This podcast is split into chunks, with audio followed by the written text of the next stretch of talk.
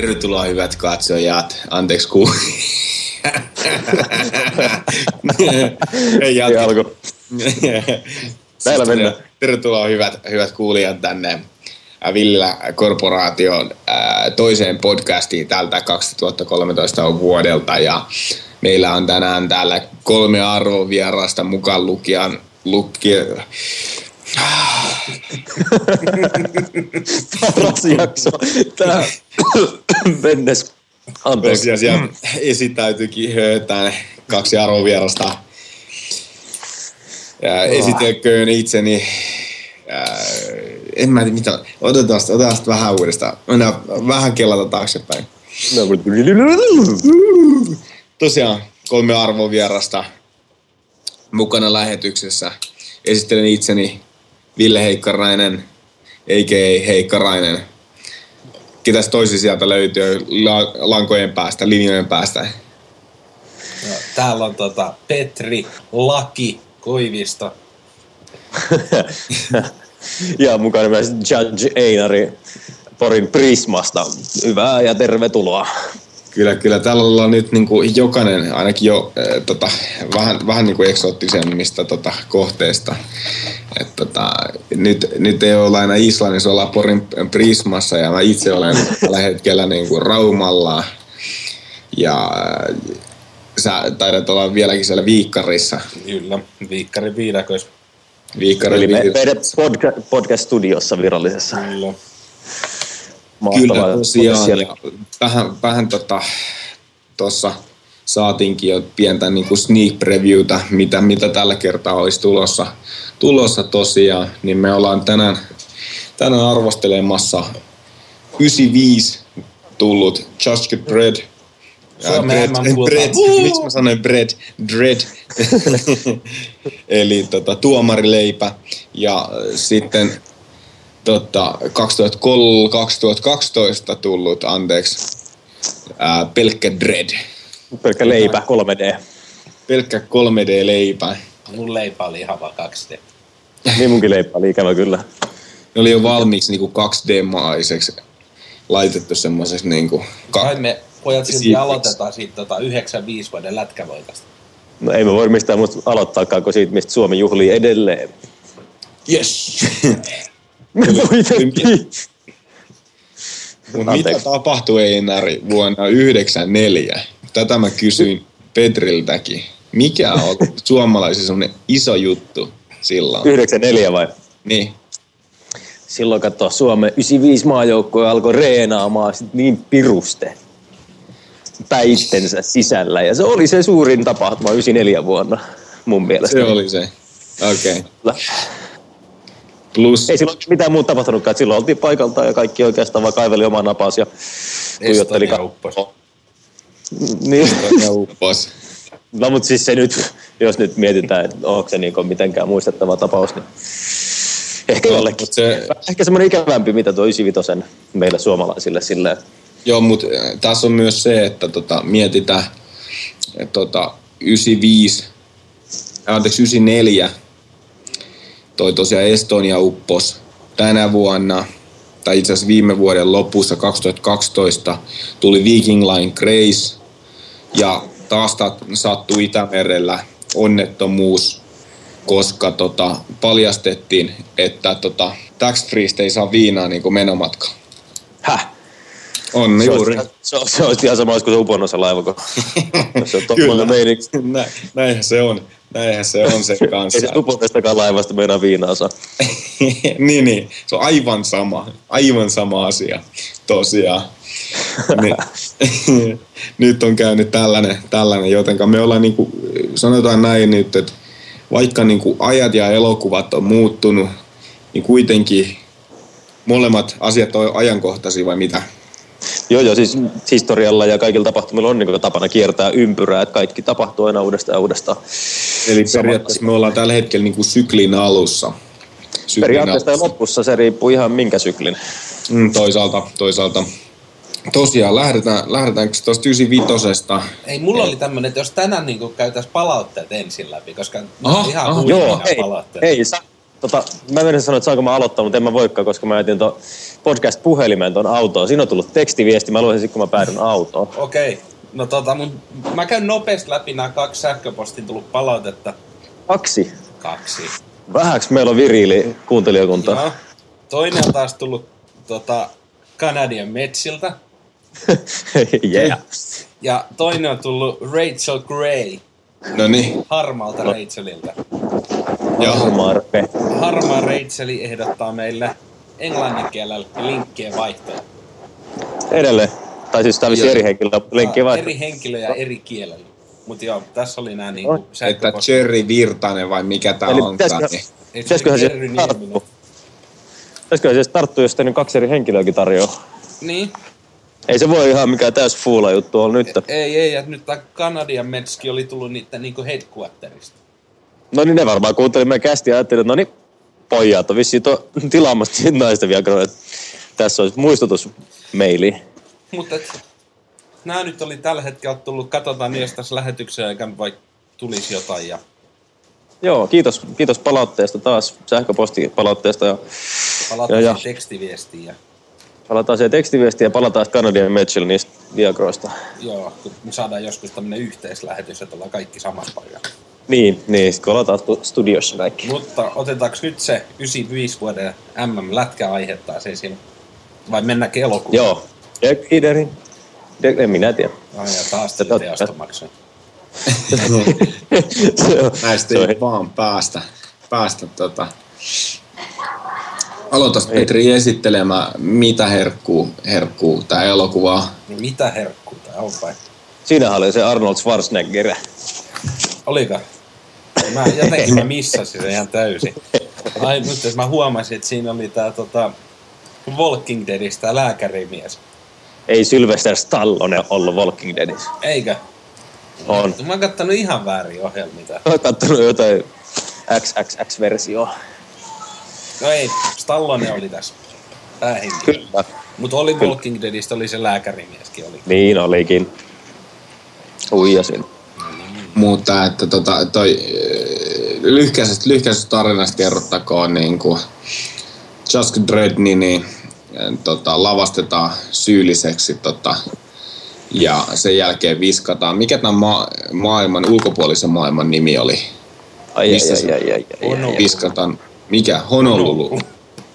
Honolulu. Viskataan Honolululle. Mistä se viskataan? Portista. Varmaan Megasitistä. Megasitistä Honolululle heitetään Just Red. Ja nämä faktat pitää niin ihan täysin paikkaansa. Ja tosiaan, tosiaan tota, sieltä, sieltä sitten, ää, mikäs tää, no kuitenkin ilmastointikanava, missä on ehkä vähän enemmän ja vähän vähemmän tota, toi liekkejä, niin, niin palaa, palaa tota... Eikö toi mene as... spoilereiden puolelta? Menee. se murhaaja keskellä, keskellä tota lattiaa saa ykkösessä on murhaaja. Niin. ei, se, ei se ole murhaaja vielä siinä kohtaa, kun se on siinä keskellä lattiaa. Niin, niin. Tai niin voi olla. Mut siis, Mutta tosiaan, tosiaan niin, niin, tota, tuli mieleen muuten itse asiassa tästä just kyseisestä kohtauksesta, niin, niin tämähän on ihan täsmälleen samanlainen, samanlainen kohtaus kuin tota The Rock-leffassa.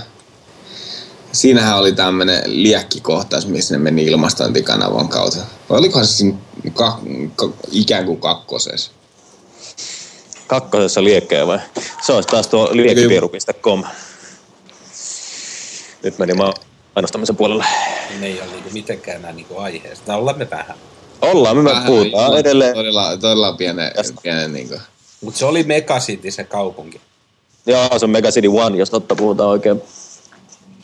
Siis tarkkoja, jos ollaan, tarkoitan. Niin, ainakin siinä uudessa elokuvassa oli ykkösellä, mutta tota, tämä mun lähtee mukava, täällä vaan puhutaan Megacitystä. Tässä vanhassa mm, elokuvassa. Niin, no joo, jos nyt totta puhutaan, en mäkään voi sanoa, että mä olisin tarkistanut noista sarjakuvista, että se on Megacity One nimeltään. Eikö mutta... mä puhun nyt tästä niinku tästä ensimmäisen elokuvan lähteestä. Kyllä, kyllä, kyllä. Kyllä, kyllä. Tuli muuten nyt taas niin kuin, täällä hypitään mennä ja taas niin toi... Häh? Niin. Että, aa, niin, toi, siinä mulla ei ole niinku mitään kontaktia tuohon tota sarjakuviin, mihin tämä perustuu. Voi olla, että mä oon lärännyt joskus kyseistä lehteä, mutta ei mitään niinku. Joo, mullakin keskittyy pääsen niiden kuvien kattamiseen. Niin, mä mietin, että onko tota esim. Tu- Suomessa tota julkaistu, julkaistu suomen kielisenä. Ei varmaankaan. Onko? Nyt on kyllä niin pahoja kysymyksiä, että ei pysty. Ei pysty. Tietämään siis. Nyt tuli pitkä hiljainen hetki. Kyllä kauhean. Saattaa olla jotain kirjoja ehkä julkaistu. En tiedä, onko tullut tota, niinku lehtenä, lehtenä lainkaan. Joo, sen verran mä tiedän, vaikka mä mitään tuosta kyseisestä sarjakuvasta tiedäkään, mutta sen mä kuulin semmoisen läpän, että se vanhenee reaaliajassa se Judge Dredd, että se tällä hetkellä on jossain kuusis kymmenissä se mies niissä sarjakuvissa, kun se seikkailee. Ajaa. Mikä on ihan mielenkiintoinen pointti ja ihan hauska ajatus. Että ehkä tulevaisuudessa me nähdään semmoista vähän vanhempaakin Judge Dreddia kankaalla. Onko se sitten, kun se pääsee 65 niin se menee eläkejälle? Kyllä se varmaan lakkaa olemasta judgeja. Menee vaan sitten viettämään eläkepäiviä. Mä silti tiedän, koska noiden tuomareiden eläkeikä alkaa. Siinä niissä kummassakaan elokuvassa ei itse asiassa sivuttu sitä asiaa, mikä on ollut kyllä tosi mielenkiintoista kyllä. Mm. Pakko jättää jotain jatko-osaa. Niin, Niin, se on totta. Se Stallonen elokuvan jatko vai? Niin. Ymmärrän. Sitä, sitä päivää odotellessa. Oli se itse asiassa Mega City 1 tässä ekassakin leffassa. Ching, ching. Tarkistellut tätä asiaa tässä hetkellä. Mutta tulee, Se tulee, joo, sano Vainari. Ei, siis mä olin vaan siihen, että se on ihan hyvä, että niissä molemmissa oli sama kaupunki, koska se kertoo kuitenkin samasta kaupungista ja samasta universumista, samasta sarjakuvasta. Niin on se ihan kiva, että se kaupunki olisi edes samalla nimellä kuin mitä se on sen lähteessä. Mulla tulee tota, äh, jostain syystä niinku, tää on aivan välillä, kun tulee televisiossa Just Dread, mä alan katsomaan tätä leffaa ikään kuin tota, yhten mun suosikeista. Tota, tavallaan, että jos mä tiedän, mitä sieltä tulee, mä katson vähän matkaa, kun siinä Sylvester Stallone, tiedät sä, Aha. futuristisessa äh, maailmassa pyörii, niin mun tulee ensimmäisen mieleen Demolition Man, mikä on muuten tämmönen niinku, ja näin sanottu profeetta-elokuva. Siinähän oli tämä kohtaus, missä ää, kuvernööriksi vai miksi tota, oli toi Arnold Schwarzenegger äänestetty ja tällä näin. Ja, ja, ja. Se on sieltä asti kato käsikirjoitettu, että siitä tulee joskus ku- kuvernööri. Niin, niin, kyllä, kyllä, kyllä, kyllä. Mutta tota, tosiaan toi Demolition Man, onko kaikki nähnyt sen Me voitaisiin voitais vähän vähemmän vielä puhua 95 vuoden versiosta. Joo, puhutaan vaan. On varmasti kaikki kuulijat nähnyt se. On, on. Kaikki on nähnyt. Loistava elokuva. Loistava elokuva. Niin siis se, se, se Demolition Man. Mm, kyllä, kyllä. Ei tämä vanha Freddy. Älkää Enkö nyt. tykännyt elokuvasta vai? Ei nyt Ei nyt ihan. Me oltiin juoni, juoni kohjuissa siinä kohtaa, että oli tämä liekehtivä tunneli, mm. jos me kerrotaan vähän tästä elokuvasta, että mitä siis tapahtui. Ei siis oikeastaan mitään muuta tapahtunut, mutta kun syltty Dreddi meni vetämään veljeä ja kalloa ja se oli aika lailla siinä. Mutta tässä, tästä olette mieltä tästä elokuvasta. Kertokaa te, eka mä menen nyt kassalle. No, Ville. No, sanotaan näin, että tässä, tässä oli tuommoinen, niin kuin, tai siis jännä tuohon toiseen verrattuna. Tota, niin, niin, tämä, tämä oli selkeästi tämmöinen käänne, käännekohta tavallaan tuossa Just Dread tarinassa, missä tota, ja siellä on tota, tota, tämä päällystö, päällystö, poliisipäällystö tai voisiko niin kuin lakipäällystö, mikä on tämmöistä korruptoitunutta niin, niin sitä vastaan tässä Stallone, Stallone taistelee, että niin kuin, ei ole mikään yksi, yksi tapaus niin kuin tavallaan toi Dredd. Ja tää oli aika, aika paljon kerto tavallaan, tai tavallaan o, ison osan, tai varmaan isohkon palasen tuosta Dreddin elämästä, mikä tota, toi, ja esitteli, esitteli aika paljon tätä hahmoa mun mielestä hyvä siinä mielessä, että ei niinku kauhean tuttu, tuttu tosiaan monelle, monelle ole ja ainakaan itselle, että tota, tällainen ja ää, noihin Ysäri, Ysärin tota, toi, toi toiminnan elo, elokuvista niin ottaa ys, yhden semmoisen niin top-luokituksen, että tota, et tiukka, tiukka skifi, tiukka skifi. Ei, ei muuten, no olihan se näyttävä se maailma, mutta tällainen, mutta ei, ole, ei mulle ei ainakaan sanonut niin koskaan jäänyt siitä elokuvasta, tavallaan aika jostain näistä Skifi-elokuvista jää mieleen niin kuin joku tämmöinen esine tai niin paikka tai joku selkeä juttu. Niin kuin sanotaan, että Minority-reportista jäi tämä tietokone, missä ne pyörittelee niitä ää, aika, aika janoja ja tällä näin. Mutta tota, Just Redistä on jäänyt yksi ainoa, mikä on se ase. Ase mieleen mistä puheohjauksella saa erilaisia luoteja. Se on tavallaan sellainen ainoa juttu, mikä on jäänyt vahvasti, vahvasti mieleen. Ta- tavallaan just, että mut ei se, se maailma ei ole sinänsä jäänyt niin kuin, tota, mieleen, että pystyisi sanomaan, että minkä näköinen se on. Kun sitten taas esim. Ää, mikä sitä Bruce Willisin tota, Skifi-leffa on, missä... Fifth Element. Fifth Element, niin sä pystyt sanomaan, tai tavallaan siitä, niin kuin, että joo, että siellä oli niitä lentäviä autoja ja kaikkea muut, ja oli tätä lentävä nakkikioski, mikä tulee sen hensi, eti ensimmäisen mieleen. Mutta mä en pysty sanomaan mitään muuta kuin, niin kuin sen tykin tuosta elokuvasta. Toisaalta siinä mielessä ei ole niin kuin täysin ehkä onnistunut lohkaisemaan sitä mielikuvaa, mielikuvaa skifiin, mutta niin kuin toimintana, toimintana mä sanoisin, että niin kuin erittäin, erittäin hyvä hyvä paukutus on ollut. Mitäs, mitäs Petri? No siis tota, no mulla on jäänyt noista niin kuin asioista, mitä on jäänyt mieleen, niin kyllä ne niin kuin niiden tuomareiden ne moottoripyörät on jotenkin niin kuin semmoinen, että ne on niin kuin aina kuitenkin ollut läsnä, missä nyt on kyseiset henkilö ollut jotenkin esillä ja niin kuin mä tosi vähän vihjasin, niin toi nyt ei mulle toi elokuva ihan niin toiminut. Se maailma millainen se oli semmoinen tota, karuja, niin se oli hyvin mielenkiintoinen ja se kaupunki siellä niinku sen periaatteessa aavikon ympä, tai niinku keskellä. Et tota, se, mä, siitä mä tykkäsin tässä elokuvassa, että niinku keskityttiin paljon enemmän sinne niinku siihen kaupunkiin, niihin niinku tota, mellakointeihin ja näihin Joo, tässä täs tuli paljon eh, paremmin niin kuin toi Mega Cityn niin kuin mentaliteetti ja tavallaan se, että mitä, mi, missä niin kuin murroksen vaiheessa se maailma on. Maailma on, että se esiteltiin hyvin selkeästi tässä. Mutta, mutta että jos niin kuin vähän hyppä, hyppä, tavallaan jo ennakoiden tuosta seuraavasta, niin, niin tosiaan tämmöistä oli nähtävissä. nähtävissä. Mutta tota, tosiaan siinä mielessä, mielessä on vaan semmoisia omia niin tota, mielipiteisiin vaikuttaa aika paljon, just kun on nähnyt ton hyvin penskana, niin, niin tota, hyvin penskana, niin, niin tota, tosiaan sieltä ehkä tullut ne semmoiset mieli, mielikuvat tosta ja Stallonnehan nyt on ollut semmoinen ikiklassikko hahmo, että liitettiin sen melkein mihin elokuvaan vaan, niin se silti niin kuin potki ihan kympille.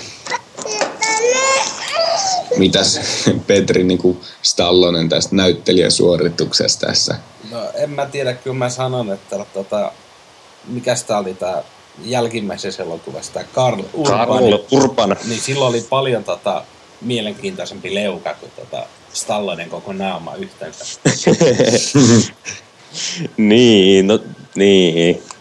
Joo, se pääsi siis... leuka näyttelemään, Stallonen jätti sen vähän vähemmälle. No Stallonen niin kuin päätti, että no vittu, tämähän ei kypärää pidä. Ja ei kato, kyllä tällä naamalla voi olla ilman kypärääkin. Mm. Niin kuin Stallonen naama nyt ei ole sillä kauhean nyrkilmuotoiltu muuten. Joo, ja se, se on vähän just se, että tota... Se oli mun mielestä ihan piru ärsyttävää, että se se oli valastu pari kertaa niin, että siitä visirillä näkyi ne Stallonen silmät. Niin, niin, niin, niin, niin. Pitää kai sen herkän miehen silmät sieltä näkyy läpi. tosiaan, tosiaan Stallone, Stallone onkin niin kuin kautta aikoja aika pitkälti, niin, niin ne samat maneerit, maneerit suorittaa.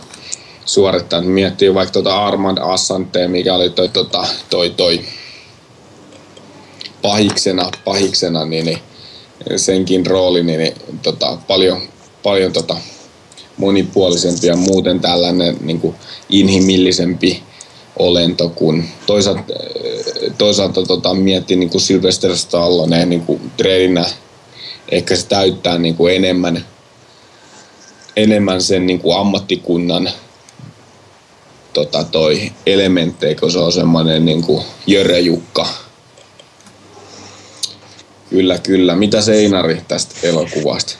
Tästä elokuvasta, no tota, tota, mä katsoin tämän, tai olen varmaan joskus nuorempanakin nähnyt, mutta nyt mä näin tuon uuden threadin ja sitten sen jälkeen, niin, niin mun häiritsi sen takiakin varmasti niin suunnattomasti se kypärättömyys, mitä tässä oli tosi paljon mun mielestä niin tämmöistä henkilöstä kertoessa, niin mua ei niinkään napannut oikeastaan niin se ihmisen niin se henkilökohtainen elämä ja miten se pyörii ja niin tälleen, tälleen. Et enemmänkin se, että se niin se henkilön niin sieluelämä ei ole mun mielestä niin oleellinen, mitä se, mitä se äijä edustaa, että se on semmoinen vähän, vähän antisankari tyyppinen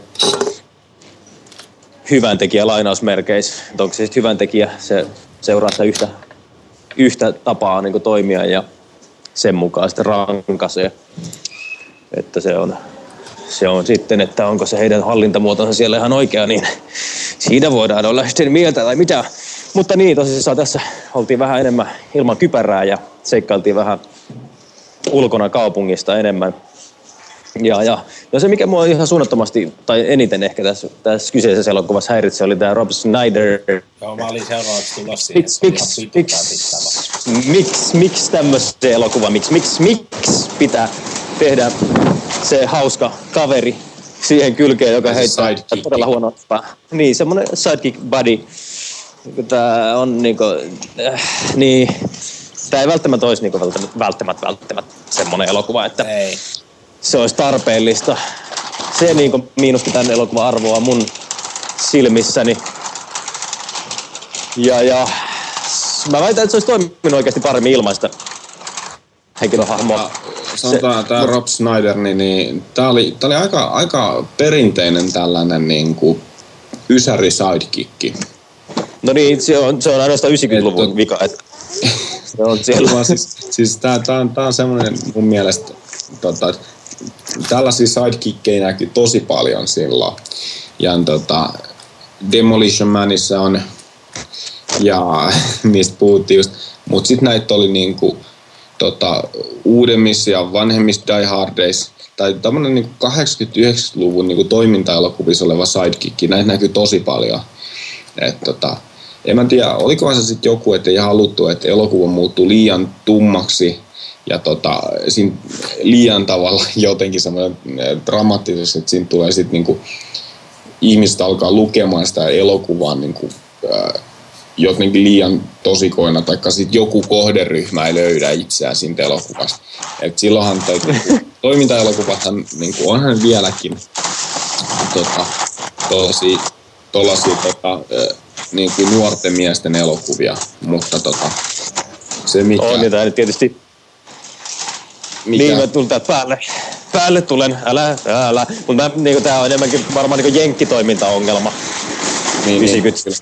80. Mutta tota, se, mikä, mikä tuossa on, niin kuin, onhan toi muuttunut paljon, jos mietitään esim. uusia bondeja. Siellä ei ole enää, tota, vanhoissa bondeissa on ollut vielä näitä sidekick-hahmoja. Eikö siis tässä uusi, jossain uusissa Bondeissa ollut tämä Jar Jar Binks? Ymmärtänyt mun läppää. Mitä elokuvaa, elokuvaa saa katsoa. Niitä, tosiaan, enkä ymmärtänyt sun läppää tosiaan. Niin, niin toi, tosiaan, mutta uusimmissa Bondeissa ja tota, sit miettii tätä uh, uusimpia Batmaneita. Ne, nehän on aivan toista kauraa ja niissä on sanottu tämmöistä, niin kuin, ja on puhuttu tämmöisestä tummemmasta niin kuin, toiminta-elokuvasta, tummemmasta Bondista, tummemmasta Batmanista. Että niin kuin, tässä on se juttu, että, että, että tavallaan siinä tähän puhuttu tosi paljon just esinkin, etenkin Batmanin suhteen siinä tummemmasta, että onko se hyvä, kun otettiin tämä niin kuin tummempi sävy tähän. No, mitä Sopi... mieltä Einari ja Batmanin kissanaisesta? Niin. No siis se on, se on mun mielestä tosi, tosi niin uusimmassa Batmanissa se on tosi hyvä, että sitä ei niin, niin seksistisesti kuvattu. Mun mielestä se lämmittää, se lämmittää aina mun sydäntä niin kuin, tämmöisiä nais, naishenkilöhahmoja. Ei, niin kuin, ei tarvi aina niin kuin, alistaa siihen seksisymbolin asemaan. Ja sitten niin tuo tummempi Batman ja tälleen, niin mun mielestä Suomessa mentiin silti vielä paremmin, kun otettiin tämä tummempi Marsalkka. yes. Jos nyt tummuudesta puhutaan, niin...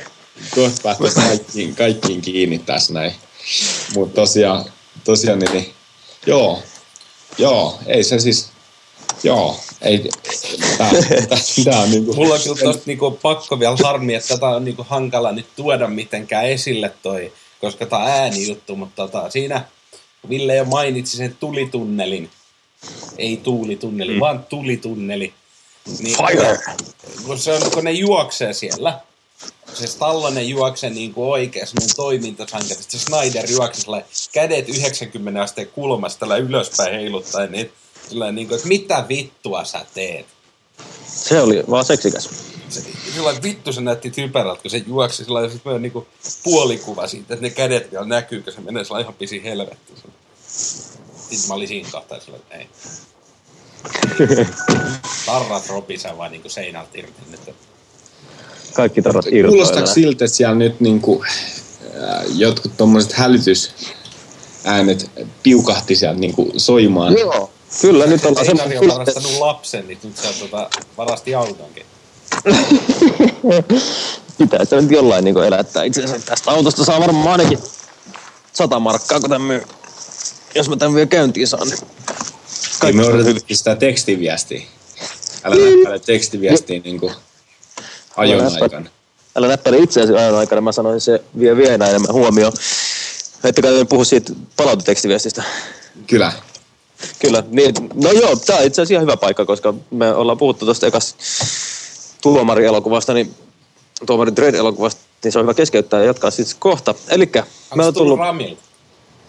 Ei, ei, aika hyvä. Rami ei laittanut meille tähän jaksoon yhtään palautetta nyt, nyt on kyllä, se oli varmaan niin paska. Me lähetetään voi... Ramille nyt palautetta. Täältä sitten vastapallon. Niin, eli no niin, mutta me ollaan saatu yksi tekstiviesti. En sano numeroa, ettei ihmiset rupea pommittamaan. Mutta joo, tämä menee näin. Helppo prepaid-tarjous. Nyt 20 prosenttia enemmän puheaikaa ladatessa netistä. www.tele.fi kautta lataa. Tarjous voimassa 28.2013 asti. t.telefinland. Et kiitos nyt tekstiviestistäkin Tele Finlandille, kun kuuntelee ottaa yhteyttä. Tämä oli, tämä oli kästin ensimmäinen yhteydenotto tuohon meidän numeroon, niin tämä on aika niin kuin historiallista ja hienoa. Kiitos, kiitos näistä tuo, kommenteista taas sinne. Joo, joo, erittäin, erittäin, kyllä, kiitos elämästäni ihan hirveän paljon aikaa, että mä mainosta ihmisille ja lähettäisiin nyt palautetta. Mitä mä saan? Mitä mä saan? Mitä sä saat? No, Telefinlandin mainoksi. Onneksi olkoon. Tuli muuten tästä mieleen, niin siitä, tästä niin kuin, me luvattiin siitä tunnarista joku DVD, onko se Petri nyt valinnut sieltä hyllystä joku DVD jo, mistä sä oot valmis luopumaan? No totta kai. Hyvä. Tarvii, tarvii, tarvii säätää. Mutta joo, me oltiin nyt siellä tulitunnelissa, mikä oli tosi jännittävä kohtaus. Se oli kyllä osattu rakentaa, niin melkein itsekin rupesi hikoilemaan, että mahtaako hän onnistuisi lainkaan. Mitä olette siitä mieltä? Mutta joo. Se oli jossain noin niin kuin, tota, alle puoleksi välissä elokuva. Se olisi ihan hyvä nähdä sellainen tilanne vaan, kun ne palaisi siellä ja huutaisi niin tuskasena seuraavan tunnin tyyliin. että selviääkö ne. Ei ne nyt selvinnyt. Se olisi niin kuin elokuvallinen valinta. Siinä on se jännitys joka kerta, kun menet elokuvan katsomaan. Että kuoleeko se sankari vai eikö se kuole. Niin, niin. Se on noissa jenkkileffoissa on yleensä aika yllättävää, että mahtaako hän selvitä hengissä vai ei. Niin, niin kyllä, kyllä. Kyllä yleisesti. Mutta sitten tässä, tämähän oli itse asiassa niin tosi paljon laajempi tarina, mitä tämä uudempi trade on. Jos miettii, että tässä kerrottiin niin vähän tradein alkuperää ja miksi se on niin kova jätkä oikeastaan kerrottiin sekin. Ja, ja, ja tässä mentiin nyt sitten niin, niin, niin hakoteille mun mielestä myös siinä suhteessa. Se oli siinä ehkä haettiin vähän liian laajaa ja niin liian kattavaa, mun mielestäni liian kattavaa niin tarjontaa siitä hahmosta ja siitä maailmasta ja kaikesta. Toki sitten uudempi, niin siitä voi sit keskustella, että oliko se liian suppea, suppea mitä se tarjosi. Mutta siis mun mielestä niin oli, oli ehkä tai siis niin, ei se nyt välttämättä ollut liikaa, mutta se olisi varmaan pärjännyt vähän vähemmällä, vähemmällä tuo varsinkin vähemmällä sidekickin läpän heitolla. Ja niistä moottoripyöristä, niin mä en ymmärrä, miten ne on niin rumia. Tai siis, mitä, mitä te mieltä näistä hienoista tuomarin prätkistä, että miten ne voi olla niin, niin kauniita, kauheita? No eikö se nyt ole aika isoja, massiivisia niin tosi vakuuttavan näköisiä, kun se tulee tuolta kadun vastaan. Se näyttää ihan joltain skoottereilta. Onko se sitten vakuuttava iso... Mies, mies, mieskootteri. Smot. Mikä se on? Smotteri. niin. Joo, se...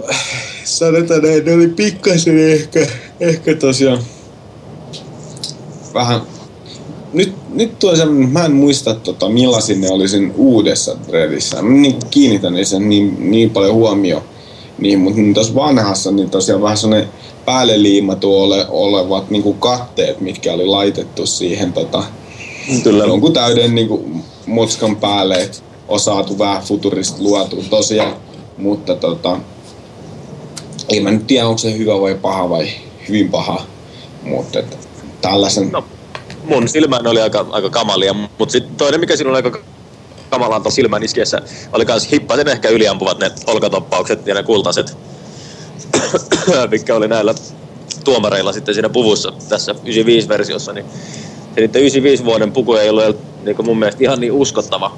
Ei, ne näytti enemmän niinku trikoilta. Niin, ja sit... Siihen ne olkatappaukset päällä. Niin. Se tietysti jos on tarpeeksi kova jätkä, niin voi tuommoisessakin vaatteessa lähteä töihin ja Kyllä. mennä tuomitsemaan ihmisiä. Tuossa uudessa elokuvassa oli nahkaa ja kaikkea. Ja... Joo, joo. Tämä on tämmöinen kangastriikko ja sitten mulla on nämä harniskat tai tämä niinku olkatoppaukset tässä päällä. Kyllä. Mitään, se, se, se, on nimenomaan noin 30 vuoden päästä kaikilla se on. Ja sitten niin kuin, että miksi me pidettiin ennen niin kuin ihan jumalattomia kerroksia vaatteita. Me voitiin vaan pukeutua tämmöisen niin lämpökertaista ja sitten vaan niin kuin, laittaa natsat tähän päälle. Niin kuin, mutta että, tota, tosi... saattaa hyvin olla. Niin, niin. Mut, eipä, eipä oikeastaan Kubassakaan nähnyt sellaista ongelmaa, että kun sitten on just nähnyt jotain vähän tuollaisia heikompia, heikompia tota, skifi-elokuvia, missä ne on tosiaan niin kuin oikein oikein yliviety viety, tota, niin, niin tota, ei osannut erottaa niitä, että olisi niitä kauhean huonoja vai tällä tee. Mitä, lähettäisikö me jotain tarroja heittelemään? Lähe, lähdetään tarroja heittelemään. Tota, mun mielestä tämä on nyt aika potkittu aihe, vaikka ei me tästä nyt juurikaan taas mitään sanottu. Mutta... Onko päkkiä? Oo, nyt kuuluu Einari. Ei, no mennään nyt sitten ennen kuin tarroja lyödään, niin Mennään Sä siihen... meidät vissi koko ajan. Joo, kuulin, kiitos. No, kuulosti tosi hyvältä ja mä sain päähän semmoisen visuaalisen kuvan, että näytättekin tosi hyvältä. Niin. Uh, Mutta se, että tässä, tässä oli tämmöinen tosi, tosi, tosi perus 90-luvun toiminta lopetus, että on niinku tämmöinen, ja aika yleinen toimintalopetus, että on sitten tämä pääpaha, minkä kanssa tämä lopputaistelu. Oliko tämä teidän mielestä niinku tyydyttävä, tyydyttävä lopetus ja se, veikö se sinne kliimaksiin ja Nirvanaan ja sen yli Buzz Lightyearin syliin. No siis mä katsoin tämä eilen ja mä nyt oikein tiedä, että mistä puhut, että niin paljon mua vissi kiinnosti. no, mä, puhun, mä puhun tästä, tästä niin veljeksen kohtaamisesta. Joo, no se oli aika tämmöinen perinteinen, että kappas, kappas nappas, että se paha veli, paha veli kuolee ja that's it, ja maailma on paljon paljon parempi ilman sitä. Ja hyvä veli, hyvä veli vähän roikkuu reunalla ja Joo, joo, ja se, se sanotaan näin, että sit, sit käy joku yllättävä käänne siinä tappelussa, joka on niin, kuin, niin alta vastaava siinä hommassa. Siellä jälkeen niin kuin se yllättääkin, yllättääkin jollain elementillä. Ja se nyt oli aika perinteinen kaava, mitä oletettiin. Niin on vähän niin kuin ensimmäinen testamentti, että eka, eka se niin kuin jäpä, jäpä roikkuu siellä jonkun aikaa. Ja sitten se niinku yllättäen tuleekin niinku pois kalliosta, kuten tota... Päästäkää minut pois kalliosta. oli just tulossa tähän, tähän tota... Meni meiltä teosta taas. Mä olin, mä olin just tulossa uskallamassa nimeä, että niinku... No, kuitenkin, niin, niin se on tämmöinen vanha, vanha kirjoitettu, kirjoitettu tarina, niin, niin uudestaan ja uudestaan. Se on hyvä, että sä otit ton silti nyt on raamatun esille, koska mä, mä päätin semmoisen asian, kun mä oon nyt tutkinut raamattua tässä nyt koko Islannin matkana, niin mä ajattelin, että mä otan jokaiseen tässä nyt, no, sanotaan nyt kymmenen ensimmäiseen, niin mä luen pienen pätkän raamattua vaikka loppuun. No, ne se... todennäköisesti leikataan pois, mutta luen vaan. Niin. Ei, mä, mä Petri lupaan, että niitä ei leikata pois, kun sä kuulet, mitä mä luen. Se on hyvä. Ei se ole missään määrin, se on hyvä kirja, en siihen. Mutta joo, okei, nyt voidaan mennä tarroihin. Lapputa. Eli tuttu kaava, tuttu kaava miinus yhdestä seitsemän vai? Joo, näillä mennään. Ja kuka haluu? No mä voin aloittaa tätä. Öö, mä annan täällä jonkun semmoisen niinku... Mä annan täällä nelosen. Siinä syystä, että niinku... Tää oli, tää oli, to, tää oli tota toi tosiaan vanha klassikko, klassikko mutta kuitenkin ei mikään semmonen ihan överi.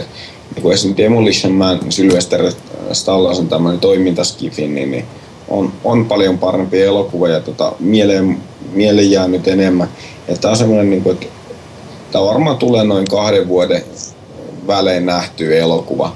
Että kyllä mä katson tämän, mutta tota, ei ole, ei ole semmoinen erityisen odottamisen arvon, että jos näkee televisiosta, hei, täällä olisi tulossa se, niin, niin, niin tota, kyllä mä puntaroin, että tuleeko sieltä jotain muuta, vai pitäisikö mun sitten niinku vaan käyttää hassun mun aika tähän. Oho, seinäri tippahti kokonaan. Back. Kyllä. No niin. Ville, Ville tässä just kertoi. Joo. Oliko sulla tosiaan, Ville jotain tosiaan, No sen verran just, että näistä syistä niin, niin neljä, neljä tota, tarraa, tarraa iskeytyy tälle elokuvalle. elokuvalle. Et hyvä skifitoiminta, tota, erittäin kartsottuna lapsuudesta, mutta tota, ei tosiaan mikään, mikään tällainen niin kuin ääretön suosikki. Jaha. No, mä voisin tuosta hypätä tähän väliin ja sanoa, että mä annan, no jos mä perustelen ensin, niin tästä on hauskempaa. Toi, öö, mä tykkään ton tyylisestä maailmasta, mikä tossa oli. Ja aihe sinänsä on tota, semmonen, mikä mua niinku kiinnosti. Mutta varsinaista elokuvaa ei niinku oikein herättänyt musta ihan mitään niinku semmoista mm. suurta. Niin tota, mä annan kolme. Okei. Okay. Kiinnostava Eli neljä ja kolme. Kiinnostava aihe ja kiinnostava maailma. Toteutus. Ja se Snyderi pudottaa pisteitä aika paljon. Ja, ja, ja nyt minä. Juu, ota Einari sinä. ota, ota, sinä, ota sinä koppi. Otanhan minä. Niin, no lähdetään vaikka perusteluista kanssa. Se tota, mä näin pienen semmoisen Discovery Channelin tekemän dokkari pätkän tosta niiden lavasteiden teosta sen kaupungin, niin, niin mä tajusin vasta siinä kohtaa, että tämähän tietysti siis niin kuin, että se on green screen aika paljon käytetty siinä leffassa. Se, se ei mun mielestä näkynyt siinä pahasti, mikä oli niin 90-luvullakin se on osattu jo tehdä. Ihan, ihan taitavasti, se oli positiivista ja se oli ihan mielenkiintoista. Oli siellä muutama kauhean... kuva, kun se ajoi sitä pystyseinää ylöspäin sillä moottoripyörällä tipahtiko meiltä Einari taas linjat? No ainakin niinku äänellisesti kyllä. Ei, kyllä siinä niinku ääni palkkii hyppii tossa, mutta tota, ei sieltä mitään läpi tule. Niin, tämä, tämä on parasta tässä, kun ajaa autolla, autolla ja puhuu. Niin, niin mä olin kertomassa sulle, että, että ne yhdet kohdat, kun sä ajoisit moottoripyörästä pystyseinää ylöspäin.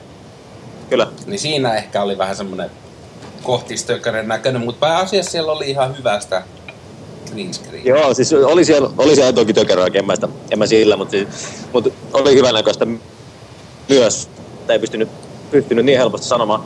se, mikä oli mielenkiintoista siinä Dokkarista, ehkä kaikkein niitä hämmästyttävää on niin se, että kun näki niitä tietokoneita, millä ne niin teki sitä, teki sitä green screen tallennus ja yhdistyshässäkkää, niin se näytti aika sellaiselta, että mä en olisi halunnut olla tekemässä tuota. 90-luvun tietokoneet oli aika hyvän näköisiä ja tehokkaita myös. Mutta joo, se ei kauheasti vaikuta tähän arviointiin, kuinka hyvä green screen siinä oli. Totta kai se häiritsisi paljon, jos se olisi huonoa tällaisessa elokuvassa, mikä ei ole täysin timantti nyt muutenkaan.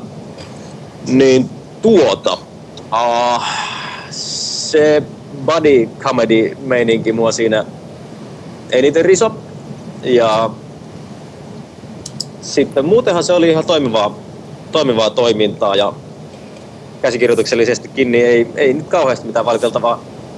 Se, se on ihan sika juustosta se sen Just Dreadin puhe. Ei pelkästään Stallonen takia, mutta siis se, se että ei tommosia laineja niin saa vaan kuulostaa hyvältä, kun ne kuulostaa jo valmiiksi vähän siltä, niin kuin, ole, niin.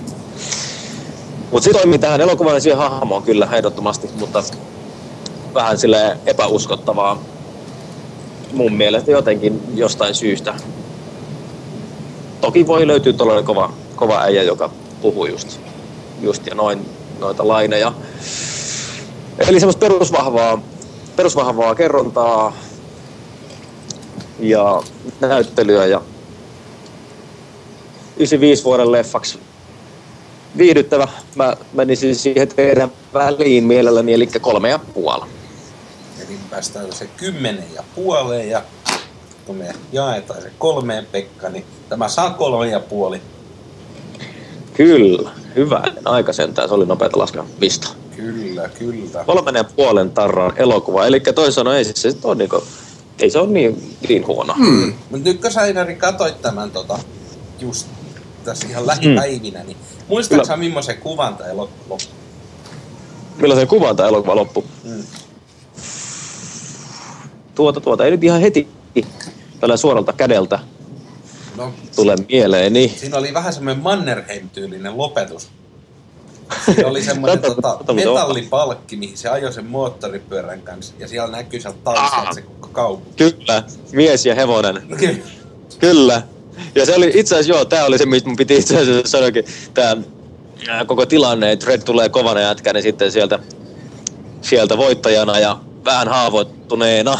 Ja jengi on silleen, että okei, okay, Dredi, että lähden himaan ja että mä lähden, mä lähden vielä kentälle. Ja sitten kun lähtee siitä mestasta pois, missä kaikki muut ihmiset on, niin sitten se pysää semmoisen palkin päälle ja auringon laskuun. Miksi se meni sen palkin päälle yksin sinne? Niin kuin, miksi se vaan mennyt himaan?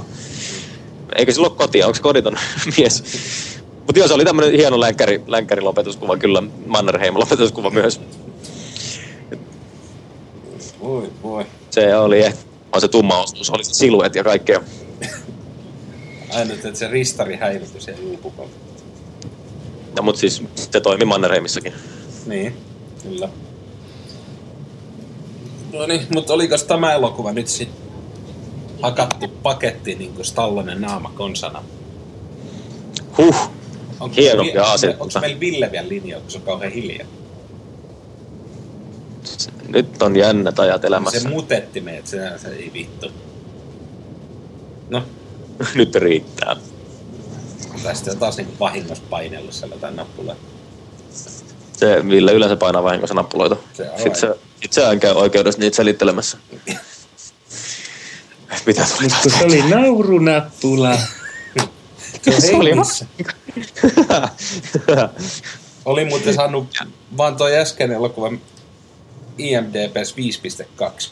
Joo, mä kattelin kanssa, että ei mitään ihan hirveet niin kuin, No mutta siis tota... siis se puoleen väliin niin kuin meidänkin arviossa, että me ollaan melkein IMDB kanssa samaa mieltä.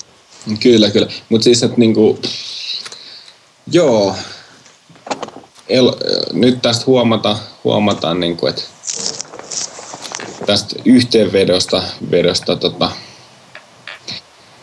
en mä tiedä mitä me yhteen huomata. Mistä mä aloitin edes lauset noin? Hyvä yritys. Hyvä yritys Aasnisilta. Hei, mennään nyt seuraavaan elokuvaan, eli 2012 Ready. Redin, ja, joka on tullut 2 3D-versiona. Katso suka sitä 3D-versiona. Ikävä kyllä ei ollut mahdollista. Ei, mulla oli mahdollisuus, mutta mä poikatoin. Poikotoit 3 d Kyllä. Ai, ai, ja mä sitten mä sit taas, kun mä näin ton 2D-version, mä olisin kyllä halunnut tämän elokuvan nähdä 3 d Mä oon kuullut siitä kyllä niin hyvää 3D-mallissaan. Mutta tota, sanotaan, tässä nyt tämä 2-3D-keskustelusta, niin, niin tota, toi, siinä mielessä äh, jännä. Tämä on niinku yksi semmoisia elokuvia, mitkä on niinku 3D, mutta katsonut 2D.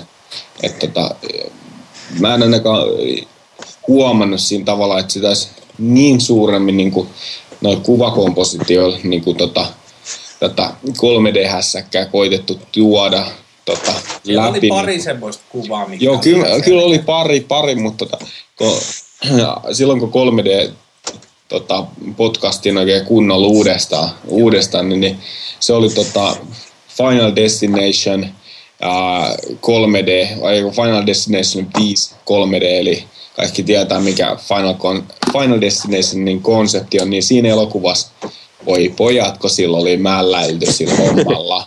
Ja mä katsoin sen 2D, mä tiesin aivan tarkkaan, että minkä takia nämä jokainen kohtaus tai niinku, siinä ikään kuin äh, tota, äh, murha tapahtuu aina, aina juuri näin, että joku esine lentää kohti kameraa. Siinä on niin paljon niin kuin elementtejä, mitkä tuli.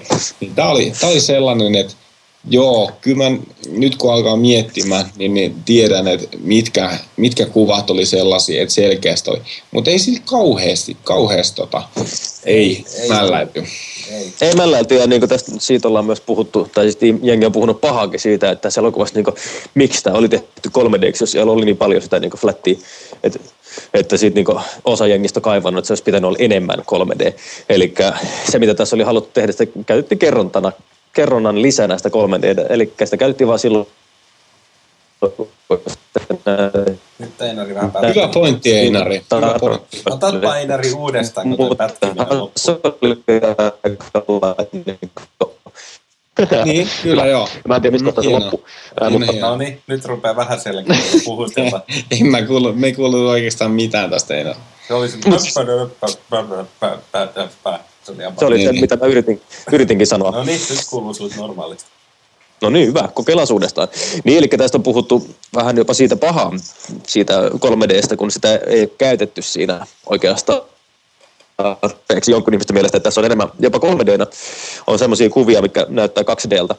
Eli se on käytetty kerronnan lisänä sitä 3Dtä. Eli niin niissä kohtauksissa, missä sen huomaakin, niistä on käytetty enemmän, että muuten sitä syvyyttä ei ole haluttu edes hakea siinä joka paikkaan. Et enemmänkin sitten niihin efektijuttuihin. Joko nyt tuli läpi? Joo. Nyt tuli, nyt tuli. Joo, Kyllä, siitä, joo. siitä on vähän nalkutettu. Ja tässä, tätä, tämähän on pääosin kuvattu kokonaan niin 3D-rigeillä, mutta sitten siellä on myös tehty jotain, jotain kuvia on tehty, ihan 2D kuvattu ja tehty siitä sitten 3D. Mutta Joo, kyllä, kyllä. Mutta tota, tosta, tosta tota aiheesta, aiheesta sen verran, verran, mitä me jo käytiin vähän äh, edellisen Just Dreadin tota, arvostelussa oli nimenomaan tämä, että tämä on nyt selkeästi niin kuin kertoo paljon vähemmän tästä hahmosta ja tästä niin kuin Just Dreadistä kuin tota, tämä 95 elokuva.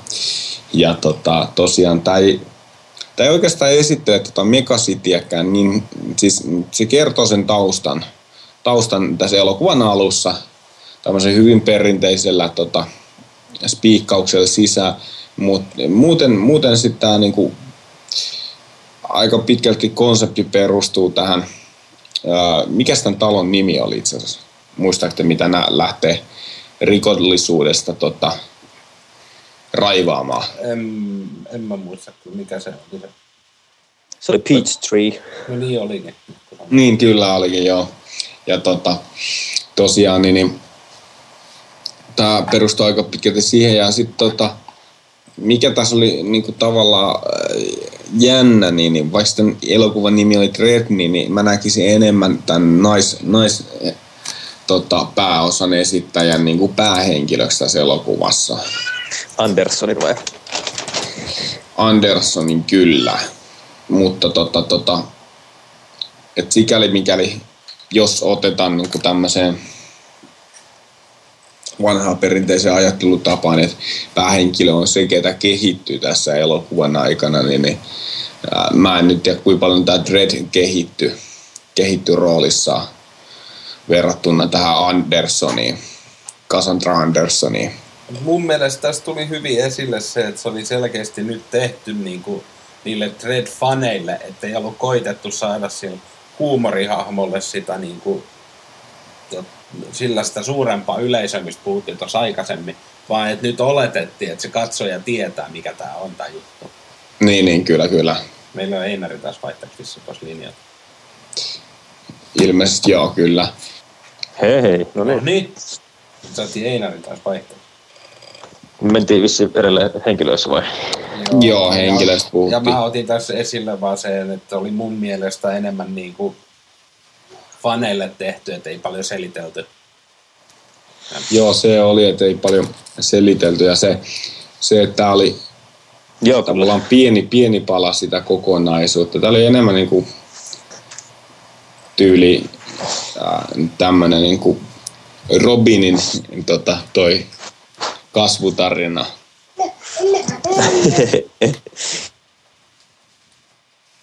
Jos näin voi sanoa. Et kyllähän tuossa niinku, Siinä tietysti niin, sanottiinko niin kasvanut kyllä yhtään. Odottiko sitä ketään myöskään? Odottiko sitä Treadin kasvua ketään tuon leffan aikana niin, että kun se ei kasvanut siinä, No, no, kaipasiko sitä ketään? Sekin on vähän, mm, kyllä joo. en odottanut. en odottanut. Hyvä, hyvä. Ja just se enemmän näille sarjakuvafaneille, niin joo, ihan selvästi, selvästi yritettiin nyt vaan tyydyttää näitä, näitä ja ei niinkään, no siihenkin olisi voinut palkata se Rob Snyder, niin se olisi varmaan toiminut edelleen ihan yhtä hyvin, jos olisi halunnut siis, mutta nyt ei haluttu. Kyllä joo. Ehkä hippas u- uskotta, uskottavampi tarina ja maailma. Oliko toi niinku kysymys, kun tämä- ei toi alku vähän kuulemma? niin siis, oliko tämä uskottavampi maailma, oli lähinnä se. Uskottavampi maailma. No en mä tiedä, siitä se oli just toi, että mitä mä taisin Villelle tuossa aikaisemmin puhua, että toi Mä jotenkin just toi, että tuossa vanhassa elokuvassa näkyy toi enemmän sitä kaupunkia. Tämä uusi keskittyi niin paljon siihen yhteen niin kuin rakennukseen. Ja se oli mun mielestä vähän huono juttu. Et kyllä mä sanoin, että se kaupunki olisi ollut niin kuin kiinnostavampi kohde. Se yksittäinen rakennus. Niin, no tos, tässä haluttiin selkeästi keskittyä ihan pelkästään puhtaasti toimintaan. Puhtaasti toimintaan eikä niinkään sitten muun maailman, Niin, mutta olisi se maailman se, syleily. se niin kuin toiminta sijoittu siihen kaupunkiinkin. Oli se, oli se kyllä periaatteessa sijoittukin. Mutta tässä on sitten taas, tässä on sit se, se, miksi se nyt näin on, niin on se enemmänkin tämä budjetti, budjettiasia. Varmaankin tämä, jo, oliko mikä, mikä budjettiasia? tämä on käytännössä India, India elokuva. Aha. Eli tämä käytännössä on India. Kamaa tässä oli puolet, puolet vähemmän budjettia, mitä siinä 90 vuoden versiossa. Tämä oli vissiin 45 miljoonaa, jos mä ihan väärin muistan. Vaivasin ne. Väärin muistan. Niin, kyllä. Et siinä, tässä ne joutui tekemään vähän niin kuin Mannerheimit. Tota, tämä studio, ketä sen, tai tätähän ei mikään iso studio edes tehnyt, ne lähti Etelä-Afrikkaan kuvaamaan studioon, kun siellä on huomattavasti halvempaa, mutta ne ei kuitenkaan tehnyt niin Mannerheimia, että ne olisi palkannut myös niin näyttelijät Keniasta vai mistä. Ja ohjaajat ja muut. niin, niin, niin, mutta ne sitten otti sieltä Etelä-Afrikasta tämän Dis- District 9 leffan työryhmän niin kuin suurimmalta osalta. Et se budjetti varmaan oli suurimmiksi, lähdettiin ehkä tähän nyt tämmöiseen linjaan sitten. Halu, no, toi, no toisaalta niin kuin, pitää muistaa Etelä-Afrikka niin kuin, muusta Afrikasta verrattuna niin kuin, erittäin vauras osa. Vauras osa, että ei, ei niin kuin, jonnekin tommosiin Nigeriaan ja Etiopiaan ja Somaliaan verrattuna, niin, niin tota, Etelä-Afrikan, mikä länsimaata siellä. niin, niin että siellä, siellä tota, et mä olin tuossa siihen, niin kuin, että miet, mietti, että, että ne on varmaan siis kuitenkin kyseessä on se, että me menty tota, tämmöisen niin kuin kansainvälisten rahoitusten perässä sinne. Joo, sekä kansainvälisesti että myös tämä myöntää tämä yksi tuottaja henkilö, että mentiin sen takia, että siellä on halvempi, halvempi Niin. tehdä. Kyllä, kyllä. Kustannukset studiovuokralla ja henkilökunnalla, niin Niin, niin, niin, niin. Mutta tota, juuri, mutta jännä, jännä vaan, että niinku just, tämä on nyt se niinku ennakkoajatus Afrikasta, näin 45 miljoonaa, että vaikka sanotaan 20 prosentin tota budjetilla, niin, niin no, tai budjetin niinku osa tuotannolle, niin kyllä kuulostaa isolta lukemilta, mitä pystynyt alueellisesta antaa. En mä tiedä, siis mä en tiedä yhtään näitä lukuja, mutta niin, että tota, Niin, tiedät, tiedät kuinka paljon, kuinka Niin, paljon niin. on tullut. Kyllä, kyllä, kyllä, kyllä, kyllä. Mutta se on ehkä tämän leffan pelastus myös samalla, että se ei ole mikään ison, ison studion tekemä, vaan että se on tällaisista lähtökohdista. Niin kyllä mä kans uskon, että tota, taas helposti isona Hollywood-tuotantona se kustuu ihan käteen tämä juttu. Niin se, kun on 18 leima, sitten ainakin olisi lähtenyt kävelemään todella Niin. vikkelästi. Joo, ja varmastikin niin kuin toi, että Hollywoodissa, no mä en tiedä, siis noissa yleensä käsikirjoituksissa on myös niin, niin se editointien määrä tota, menee niin isoksi ja sekä niin kuin, tota, toi monesti niin siinä editointien määrässä, mitä käsikirjoituksia tehdään, niin, niin sit monesti tulee tämmöinen niin koitetaan hakea sitä niin kuin kaikki kansallisuutta tähän, tai tämmöistä niin kuin, halutaan kerätä niin kuin mahdollisimman iso massa sillä käsikirjoituksella jo katsomaan ni, ni ihmisiä, eli tavallaan koitetaan tyydyttää niin kuin liian, iso, liian iso porukkaa. Kyllä. Tota, et lainatakseni tota, tätä, tätä Ruger Haueria Rapipis, mä en muista mikä sen Rapipis nimi oli, mutta tota, tota, on tämmöinen lausa, lausahdus, että jokaiselle jotakin tai ei kenellekään mitään, niin, niin tota, vähän kuvainnollista tota, tota tilannetta, tilannet, mitä yleensä käy sit noissa käsikirjoituksissa, kun niitä editoidaan liikaa. liikaa. Ja tuossa mun mielestä hyvä näkyy se, että siinä niinku, ää, rohkeit vetoisi niinku tarinalinjauksessakin. Et toisaalta tämä tuo, semmoisen tuoreen elementin niinku, just tähän maailmaan, että ne ei yrittänyt niinku iso osa käsitellä, vaan niinku, oli nimenomaan sitten talo ja pieni tavalla. Sehän oli periaatteessa niinku aikajaksollisestikin vain yksi päivä, mikä siinä käsiteltiin, vai olisiko ollut kaksi päivää maksimissaan. Mun mielestä, mun mielestä tällainen niin kuin hyvä, hyvä tota, ettei lähdetty, lähdetty kokeilemaan liian, iso, liian isoihin saappaisiin lähdetty. Joo, ja no, pysyttiin aika, tai siis kun oltiin se yhden päivän sisällä käytännössä, niin pysyttiin aika tiiviisti koko ajan siinä, siinä parivaljakossa siellä ja siitä ei päästä eikä päässyt karkuun, karkuun Mm, kyllä. mikä oli tosi hyvä, hyvä veto. Ja tuossa käsikirjoitukselle just tuosta, että niinku, jos siitä olisi lähtenyt tekemään jenkkituotantoa isoa, niin nyt on aihe aluekin olisi ollut jo valmiiksi vähän sellainen, että miten sä teet 13-vuotiaalle sopivan elokuvan, mikä kertoo sitten niinku juurikin tästä jengin sotameiningistä ja huumekaupasta ja tämmöistä. Mikä tämä tarina on, niin se voisi olla aika haastava. Mm, Mutta tuli mieleen, mieleen tota, me puhuttiin tuossa, mä en tiedä oliko sä linjoilla vai et, mutta tota, me puhuttiin, että et, tavallaan tuommoisista Skifi-elokuvista on jäänyt joku futuristinen tuote, niin, niin mulla oli viime, ker- viime tuosta Judge Redistä oli mm. se tota, as, puheohjauksella toimiva ase, mutta tästä Kyllä. elokuvasta, no tästä jäi montakin elementtiä, kuten tämä niinku, pystysuuntainen slummi, mutta tota, sit toinen oli uh, slow-mo niinku huume, mitä ne käytti. Kyllä. Se oli, se oli kyllä niinku, tota, erittäin, erittäin hieno tota, keksintö. keksintö ja myös niin kuin visuaalisesti loi tähän elokuvaan niin kuin kauniita elementtejä. Kyllä, kyllä.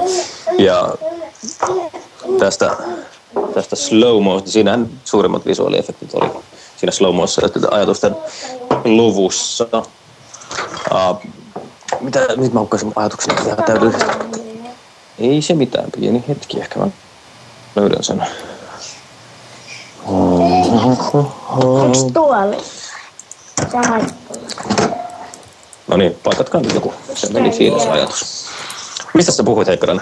Ja sit slomosta ja sit Mä visuaalisesta efekt ilmeistä toi noin tuossa elokuvassa.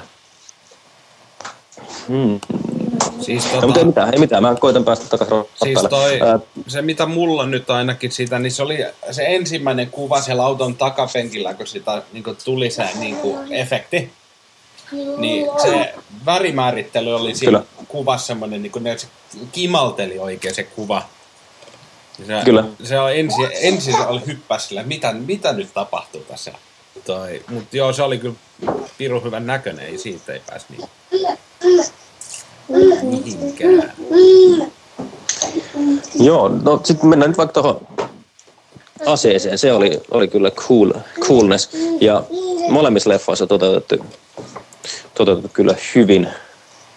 Ja tässä kuulema, kuulemaan mukaan tässä uudessa versiossa, niin se oli toimiva kapistus. Se oli, se oli saanut sen toimimaan niin, että se pystyy kahdenlaista eri hylsyä sylkäsemään oikeasti se ase Aha, setistä. Että kun se vaihto, vaihtoista, niin sen ei tarvinnut oikeasti vaihtaa sitä asetta, että sillä ei tarvinnut monta erilaista asetta, mutta toimiko se myös puheella vai? olihan siellä muutamia, koska se teki vaikka mitä. se, se, voi olla. Sitä ei itse asiassa mun läteeni kerro. Kerro. Mutta se slow mo, mo, mo, mo oli kyllä, niin se slow mo, se ajatus siinä, tai siis ajatus siinä, vaan siis se, että jos sitä on sanottu, että se, on, se slow mo oli vähän sama asia kuin se thread, että sillä tapaa, että ne ihmiset, jotka elää niissä oloissa siellä, niin onko se, onko se sitten niin, tai onko se ihme, että ne haluaa käyttää sitä ainetta, kun se saa kaiken näyttämään niin hyvältä, mitä se tuossa leffassakin näyttää. Edes hetken pako tästä helvetistä niin sanotusti. Ja eikö se toisaalta vähän sodi itse vastaan, koska silloin se, sä joudut periaatteessa olla kauemmin sen helvetissä, koska sun aika hidastuu. kun kaikki, kaikki muuttuu hitaaksi, niin kaikki näyttää silloin päältä. No, Kyllä, kyllä. Mutta ehkä se, että se visuaalinen komeus niin. lykkää päälle sen, sen aineen ansiosta, ei, ei niinkään se, että se, no se elämä paranee siinä, kun fiilis paranee. Ja, niin kuin, että jos se fiilis jää hyväksi pitkäksi aikaa, niin kyllä se ehkä sen takia se huume on, miksi ne ihmiset sitä haluaa. Ja, ja. Ei se mitään. Mennään eteenpäin. Onko teillä joku ajat, mitä? että ajatusta tästä otas niin, mulla on sellainenkin aika mielenkiintoinen fakta itse asiassa tästä elokuvasta. Tämän ensimmäinen raakaleikkaus oli 97 minuuttia pitkä. Ja Mikä tämä loppupeleissä oli? tämä leffa taisi olla 37. 95 minuuttia. Joo. Mun mielestä mä katsoin, että se olisi 5. Mutta jos se on tunti 37, niin sitten se on se sama 97. Niin, niin siinä oli kuulemma vähän... lukee tunti vähän- 36. Huhhuh. Niin, ne sai vähän tehdä töitä siihen, että ne joutui leikkaamaan kohtauksia niihin paikkoihin, mihin niitä ei ollut tarkoitettu ja palaa sieltä täältä, että ne sai venytettyä sitä elokuvaa. Esimerkiksi tämä farmaseutti meni, lukitsi oven, meni sinne oman koppiinsa, Joo. kun tää, näitä ruvettiin jahtaamaan näitä.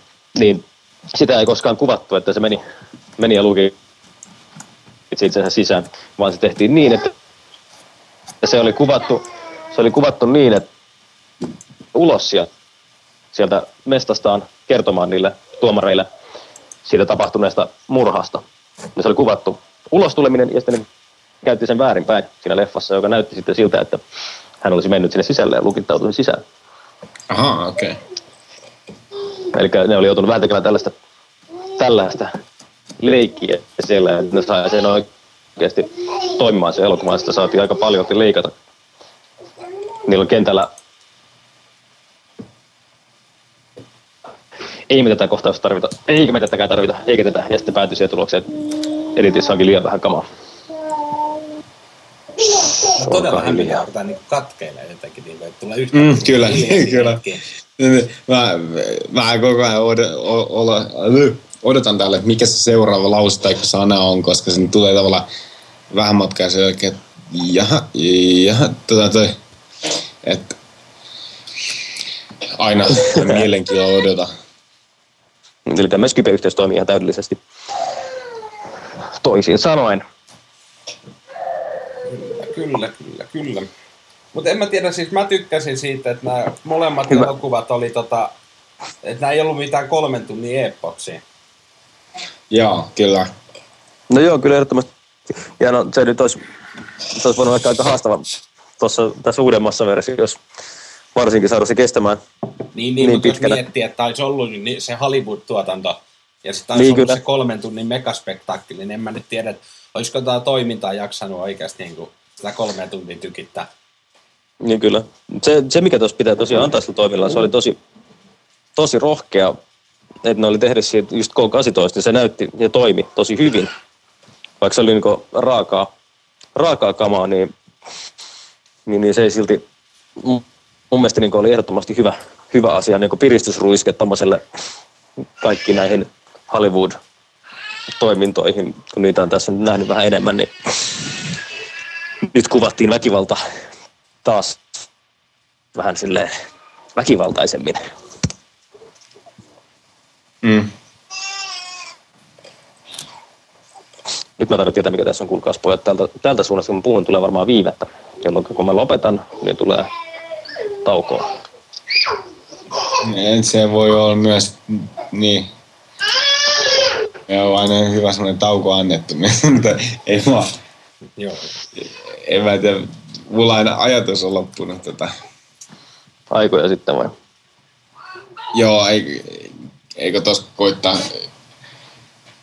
kuunnella, niin aina ajatus, ajatus katkennut tota. Ja, mistä? Simppeli tarina. Sinne menee setä ja tyttö paikalle. On murha tapahtunut ja mennään ylöspäin ja selviikin, että siellä on huumejuttu. Mä käyn nyt tätä leffaa vähän läpi. Se tehdäänkin huumeita, se on paha juttu. Sitten lähdetään metsästämään tietä ylös ja päästään ylös. Siinä tämä elokuvasta onkin. Päästään taas alas. Siinä on se elokuva niin kuin pähkinäkuoressa, mutta se olisi taas parempi, mitä se kuulosti tuossa pähkinäkuoressa.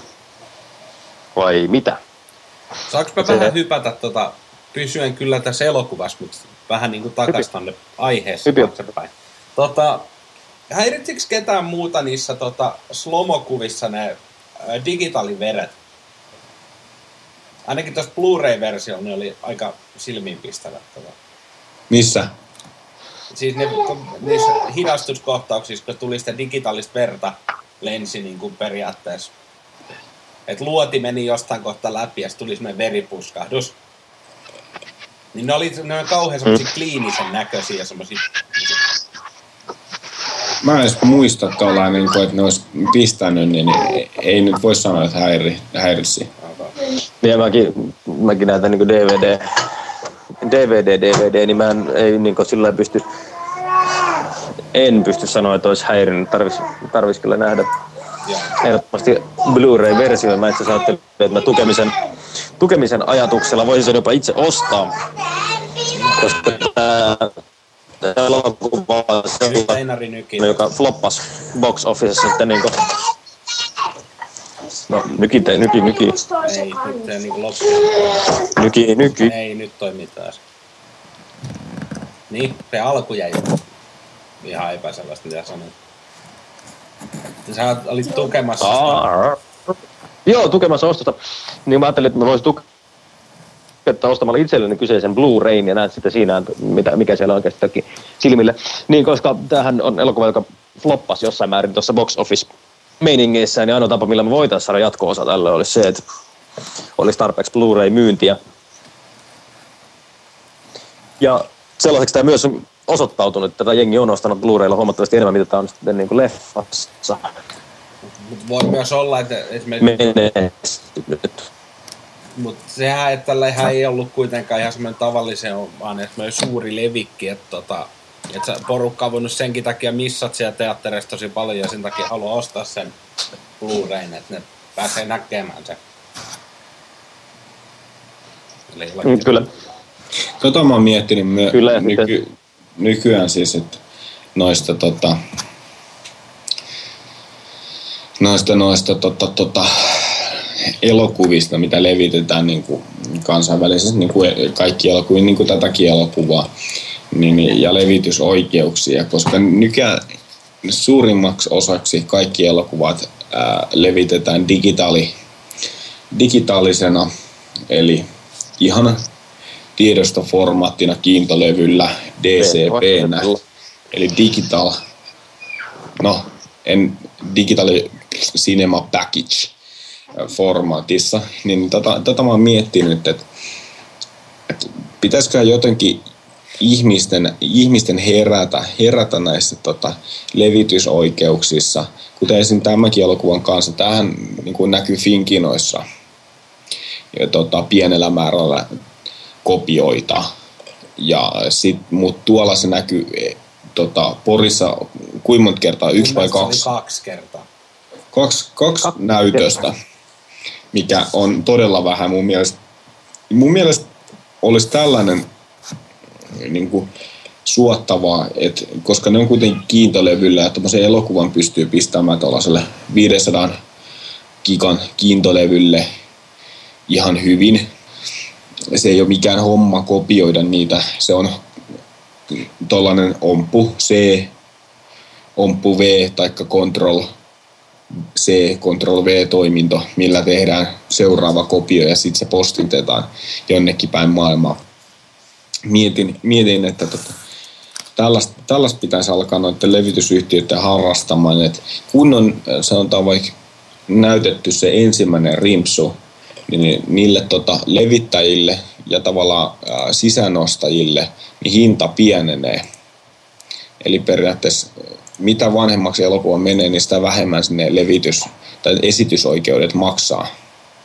Niin, niin koska tota, Niin. tämäkin, että totta kai, totta kai niin kuin, eihän tuommoisilla niin kuin Helsingissä on paljon enemmän katsojia, niin, niin on varaa ottaa vähän tällaisia, ei nyt sanota kokeilevia elokuvia, mutta siis niin kuin, no kyllä kokeilevikin elokuvia, mutta siis tällaisia niin kuin, ei niin massalle, massa, massasuosittuja elokuvia.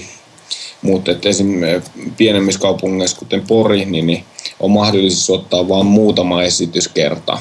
Mutta tuommoinen niin mun kyseinen tapa niin antaisi antais tota armoa siihen tota, ja mahdollistaisi, mahdollistaisi pienienkin kaupunkien ottamisen, vaikka ne tulisi vähän myöhässä, mutta tota, kuitenkin saattaisi tuottaa, tuottaa sen verran, mitä niin kuin näyttäminen olisi kannattavaa. Niin, se Joo. on. Kato, ajamaan uudistusta sitten vaan. tästä näin eteenpäin. Mutta näistähän, näistähän se kiinni on noista esitysoikeuksien myymisestä ja levityksistä ja tota, Ja ne ei mitään helpompia asioita. ei ole ja äh, kun, kun siinä on niin kuin tuotantoyhtiöillä isoista fyrkistä kiinni, kun sitä taistellaan ja myydä, niin ne, ei se, ei se ole vaan semmoinen homma, että, että tota, veljeskaupalla, että sovitaan, että kuhan, kuhan se pääsee katsojien silmille, vaan se on nimenomaisesti, nimenomaisesti näin, että tota, siinä myydään, myydään isolla paltulla oikeudet. Kuinka paljon on mahtanut maksaa nuo Porin kaksi näytöstä? Ihan mielenkiintoista olisi Siis teatterille vai? teatterille. Niin, mäkin haluaisin tietää, että kuinka paljon maksaa aina noin. Noin tota, Otetaanko yhteyttä tuonne Porin Finkinon Mm. päällystöön ja mitä Niin, ne niin. Jos me ostettaisiin pari omaa näytöstä sinne. Ja... niin se, se olisi, mulla ei ole mitään käsitystä muuten, että mikä tommonen niinku yksittäinen näytöksen esitysoikeuden. Se varmaan, kukakohan tästä mahtaa olla tänne Pohjoismaiden Euroopan Pohjoismaiden niin kuin esitysoikeuksien haltija. Se on melkein sama, mikä on jakaja ollut myös noin levyille. Mikä mm. siinä lukee Petri Kannes? No odotapas. Näyttää olevan SF. SF. Niin SF, niin sieltä pitäisi esitysoikeuksia parin näytöksiä ja kysyä, kysyä että tietäisi, mikä olisi tämmöinen. Mutta tota... Mikä sä Einari sanoit, että se, tota, se rakennuksen mm. nimi oli tässä leffassa? Peachtree. Okei, okay, koska täällä on tota, näitä täältä tota, DVD takana näitä kaikki... Tota, Eikö se olekaan Blu-ray? On itse asiassa. Aa, niin, on näitä kaikki tota, just näitä omistajuusjuttuja. Mm-hmm. Niin täällä on joku Rena Films ja sitten täällä on Peachtree Films ja... Hmm. Mm. Olisikohan Peachtree Films jonkun tekijöiden yhtiö, jos me oltaisiin otettu niinku... tietoamme, niin me oltaisiin viksumpia. On tota markkinointi Suomessa on SF Film Oy. Eikö FS siis, mitä vittua se Kyllä, kyllä. Niin. Tästä voisi hyvinkin kuvitella, että tämä Peachtree ei välttämättä esiinny tässä sarjakuvassa tällainen rakennus, vaan että se on käsikirjoittajan kirjoittama. Tai sitten käsikirjoittaja on tota, hirveä, tai siis käsikirjoittaja ja se henkilö, ketä on pistänyt tuon yrityksen pystyyn, niin tota, ollut hirveät Red-faneja jo nuorena. No se, kyllä, no se itse asiassa on totta, että käsikirjoittaja on kymmenvuotiaana saanut ensimmäisen threadin käteensä ja siitä lähtien niin fanittanut sitä. Että se, se, on ainakin, se on ainakin fani. Ja, ja tästä itse asiassa threadissä, niin kun ne sai, sai hommattua itselleen nämä oikeudet, niin siinä oli niin, että sopimus, sopimuksessa sanottiin, että Thread ei saa ottaa kypärää pois päästään tämän elokuvan aikana. Aha, okay. Joo, varmaankin. Et se, se luki siellä heti, heti ensimmäisenä ison kirjaimen, että näin ei saa tapahtua. Olikohan tässä syynä 95 vuoden Suomen jälkeen maailmanmestaruus vai mikä? Ei, kun mulla oli ihan, mulla oli mielikuva, että niin sarjakuvissakaan se ei riisu sitä kypärää. Mä odotan Einarilta Joo. Joo, siis kyllä, kyllä sarjakuvissa, niin, sarjakuvissa niin, itse asiassa on, on niin, että yhdessä, yhdessä kohtaa mun tietääkseni on niin, että Fred riisuu kypäränsä ja sitten tämä sarjakuvan tekijät ei ollut tyytyväinen missään vaiheessa siihen, miltä Fred näyttää, Joo. niin se pisti siihen ison sensorpalkin päälle. No, mutta siis Eli mun mielestä se on hyvin ymmärrettävää, että jos sarjakuvassa on kerran riisunut, että puolentoista tunnin elokuvassa ei ota sitten kerran sitä pois.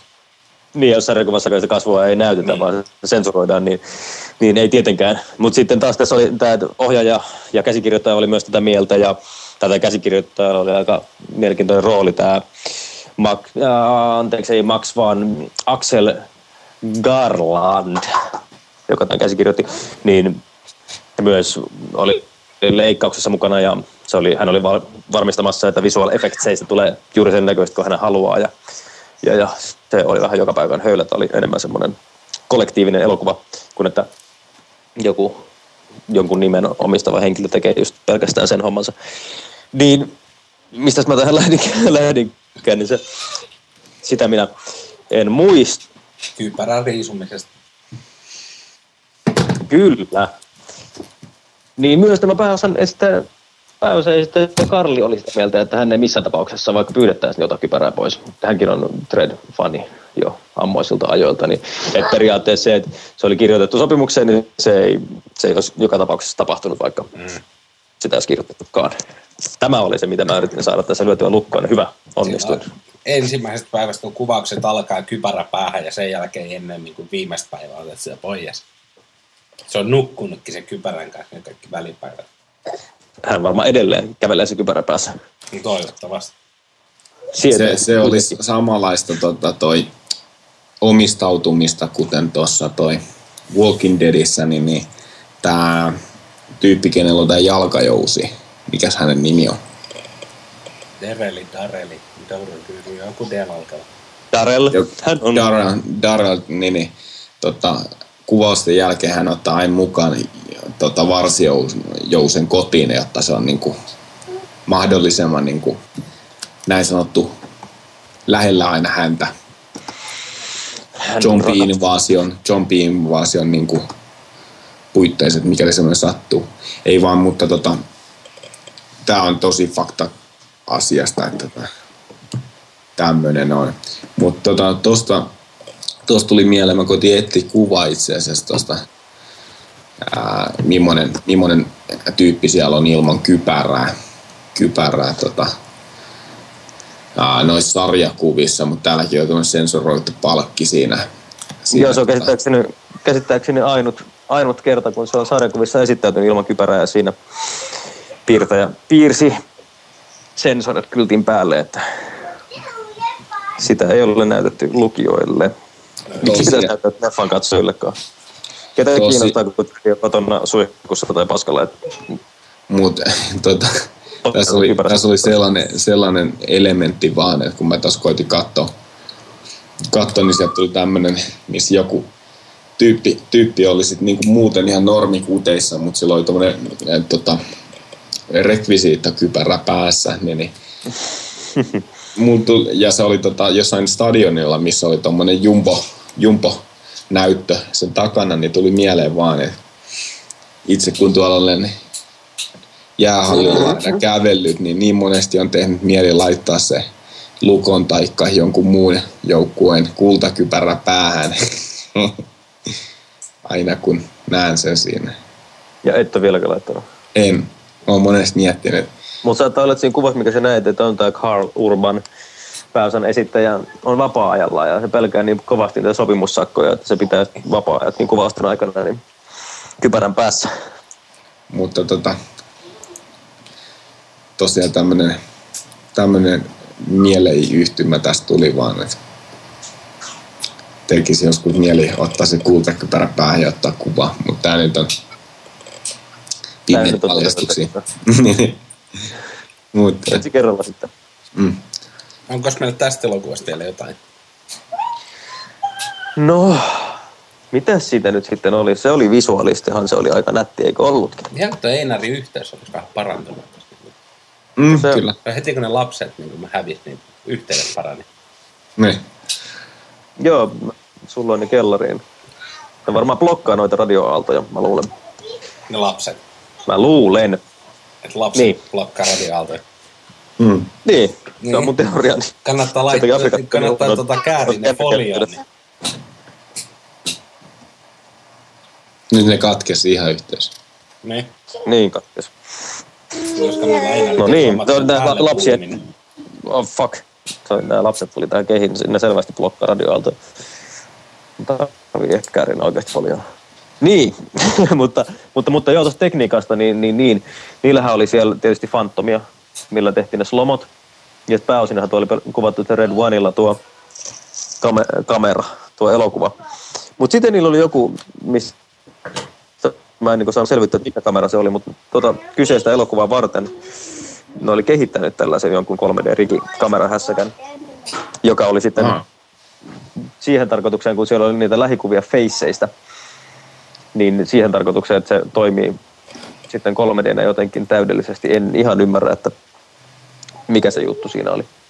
Tarvitsisi varmaan nähdä ne kuvat 3D, niin ehkä ymmärtäisi, mikä se juttu, juttu on. Mutta joo, se oli tarkoitettu se tätä varten kehitetty kamerahässäkä. Niin, niin tosi lähiksiin ihmisten kasvoista. Että semmoinen setti oli, millä tämä sitten niinku tehtiin. Kyllä, kyllä. Kyllä, kyllä. Ja sitten kun tämä oli tosiaan, tämä tuottaja, käsikirjoittaja sanoi, että tämä on India-elokuva. Niin no, näyttikö tämä teidän mielestä India-elokuvalta? No ei varsinaisesti kyllä, ei. Ei siinäkään has...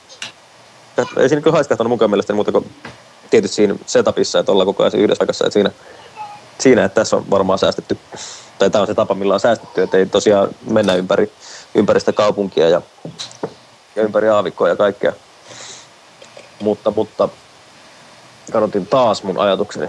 Mutta ei se mitään. Ei se mitään. Ajatuksia saa aina lisää. Odotatteko jatko-osaa tämmöiselle? Olisiko mukava juttu? No, Mm. tota, siis tavallaan se olisi mukava, koska sitten me ehkä päästä siihen niin kuin kaupunkialueelle, mitä mä nyt tässä niin kuin himoitsen yli kaiken. Mutta meneekö se sitten siihen, että jos tämä niin kuin sanotaan, että tämän niin kuin Blu-ray-myynti tulisi ihan hirveän kovaksi ja Hollywood kiinnostus tästä, niin se voisi myös tehdä niin kuin huonoa tälle elokuvalle. Niin, se on aina mahdollista. Se on aina mahdollista. Mutta siis mun mielestä tämä oli niin vakuuttava ensimmäinen osa, että kyllä mä mielellään näkisin, näkisin tälle jatkoa. Samalta tekijältä hiukan enemmän rahaa, niin eiköhän se... Kyllä, juurikin näin, juurikin näin. Ja tässä itse asiassa, itse asiassa tämähän oli tämän käsikirjoittajan kolmas leffapohja. Se kirjoitti kaksi, kaksi ennen tätä, että periaatteessa täällä olisi jo kaksi jatko-osaa mahdollisesti niin sillä työn alla jossain määrin jo. Ne ei sopinut kuulemaan ensimmäiseksi osaksi, niin se lykkäsi ne sitten vähän tuonnemmaksi. Aha, aha. Näin, näin oli asian laita. Toinen niistä oli kuulemaan jostain niin tämän paikan synnyn ajoilta, että se olisi enemmänkin semmoinen kertoa siitä, että miten tähän, miten tähän päädyttiin että, ja miten tämä elämä alkoi siellä kaupungissa, miten se päätyi tämmöiseen aiheeseen ja sitten, sitten se toinen oli, mistä perseestä se kertoi. Oliko se, nyt, nyt en muuten muista. Mutta kaksi joka tapauksessa on niin leffan aihiota jo tähän maailmaan silleen ajatuksissa, että jos samaa tiimiä saisi pysymään, niin sieltä voisi tulla ihan hyvää kamaa. Mutta sitten toisaalta joo, tämä saattaa, kun tämä ei ihan kauheasti myynyt teattereissa ja sitten nyt se on Blu-ray DVD-myynnistä kiinni, että saako tämä jatkoa, niin se voi olla hyväkin asia sen suhteen, koska tästä ei tullut mikään megahitti, niin tätä ei välttämättä halua ostaa ainakaan mitkään isot studiot ja sitten sitä kautta pilata tulevaa jatkoa. Niin, niin kyllä, kyllä. Et periaatteessahan voisi, jos tämmöisellä pikkurahalla 45 milsillä sen saisi vaikka tuplattua tämä sama poppo, saisi tehtyä jatkoosa, niin se voisi olla ihan valoisa. Mikä tässä on, onko tuossa tietoa, että mitä se on nyt kerännyt tällä hetkellä Fyffettiin? No siis Officehan on tietysti jo tiedossa, ja kun tämä maksoi se 45, 45 niin tämä Joo, upea. Niin, tämä on saanut 36,5 miljoonaa box office. Se jäi siis niin semmoinen 10 miltsiä pyöreästi siitä, mitä se maksoi. Niin, niin kyllä, kyllä. Et nyt sitten kaikilla muulla franchisilla ja... Tota... Niin, että se on niin tästä, tästä hetkestä kiinni, että tosiaan paljolti noista leffamyyneistä, että onko se jatko mahdollista. Sen takia niin, niin mä kyllä, kyllä. että minä pistän korteni kekoon ja ostan tämän elokuvan kyllä Blu-raylla. Ostatko normaali Blu-ray vai 3D Blu-ray? Tässä, tässä mä tulin just tähän samaan ajatukseen, pitäisikö sitä oikein ostaa niin elämänsä ensimmäinen 3D Blu-ray? Koska 3D Blu-ray mukaan tulee kuitenkin 2D-versio. Niin kyllä, ja mulla kuitenkin on tuo mahdollisuus siihen. Sitten mun tarvitsisi ostaa vielä lasit tai lainata jostain, niin se voisi sitten jopa nähdä 3D. Toki se olisi leffateatterissa ehkä vähän mukavampi kokemus. Se saattaa olla jopa mun ensimmäinen 3D Blu-ray, mikä tulee hommattua. Kyllä. Ihana. Olisiko tämä aihe tässä? Joo, voitaisiin lähteä vaikka noita mm, tarroja jakamaan tälle elokuvalle. Tuo. Kuka haluaa aloittaa? No, no, no kuka nyt haluaisi? No otetaan käänteinen järjestys, että Einari ensin. Naiset ensin. Sopii, sopii minulle. Mm, mm, mm, Se oli siinä. Olkaa Taas hyvä. mä en tiedä, mitä mä hyräilin, niin mä voin sanoa, että mä oon syyn takia. Teosto tietää, mitä sä hyräilit. se, se on totta, niillä on se Shazam, ja sillä tsekkaa, aha, money, this fucking shit prints niin money. Niin se iPad-appsi, mikä tunnistaa sun hyräilyn. Niin, kyllä. Shazam ei tunnistaa hyräilyä. Niin, elokuva on Dread 3D. Onko se muuten sulle Blu-ray siellä? Mm.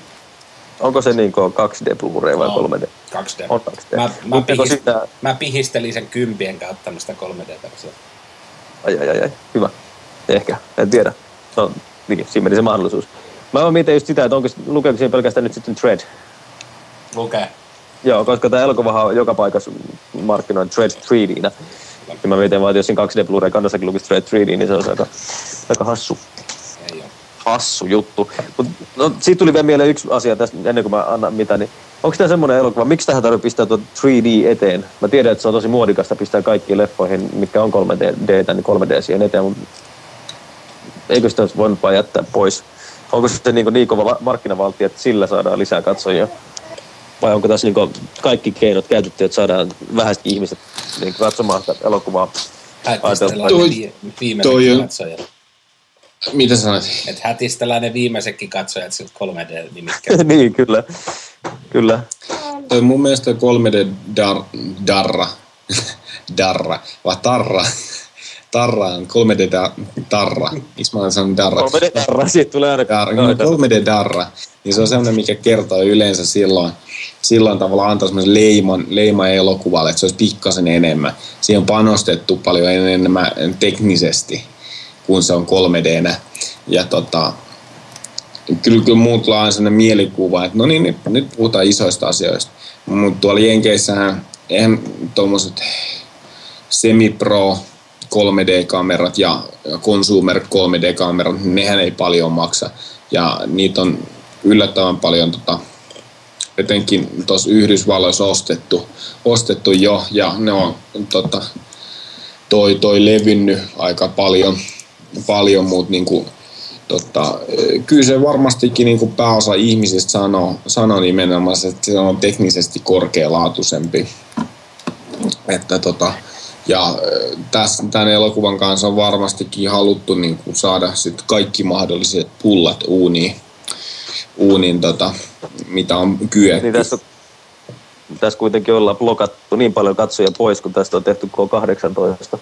Niin se on ihan ymmärrettävää, että, että sit koitetaan tämmöisellä hyvällä 3D no, siis sanotaan, Niin, mutta siis sanotaan se, että tota, se, siis se, tässä nimessä 3D-markkinakikalla ja sanoit, että koko elokuva on niin 3D-markkinakikkaa.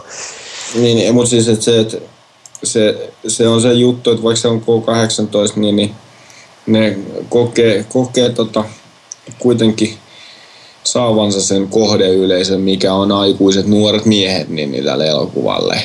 Niin, tota, ja niin on varsinaisesti se, myös niin kuin tekniikka niin, kiinnostaa, mikä on myös niin kuin sen 3D tekniikan kuluttajien, niin varmastikin niin on ollut ihan siinä nimen perässäkin hyvä, hyvä että tota, ei, ole, ei ole sitä vaan niin kuin skipannut.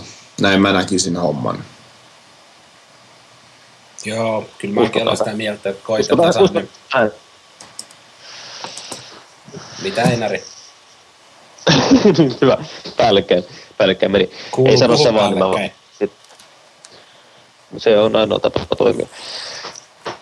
Ei sano vaan, että Petri, mä pääsen siihen sanomaan päälle taas. Niin ei, mä olin sanomassa, että tota, kyllä mä olen niinku ehdottomasti Villen kanssa samaa mieltä, että koitettu saada 3D viimeisetkin katsojat paikan päälle. Suomessa, missä ollaan niin vastakarva, niin siellä nyt kukaan ei ole tullut katsoa, koska se on 3D, mutta muualla maailmassa se ehkä toimii vähän paremmin.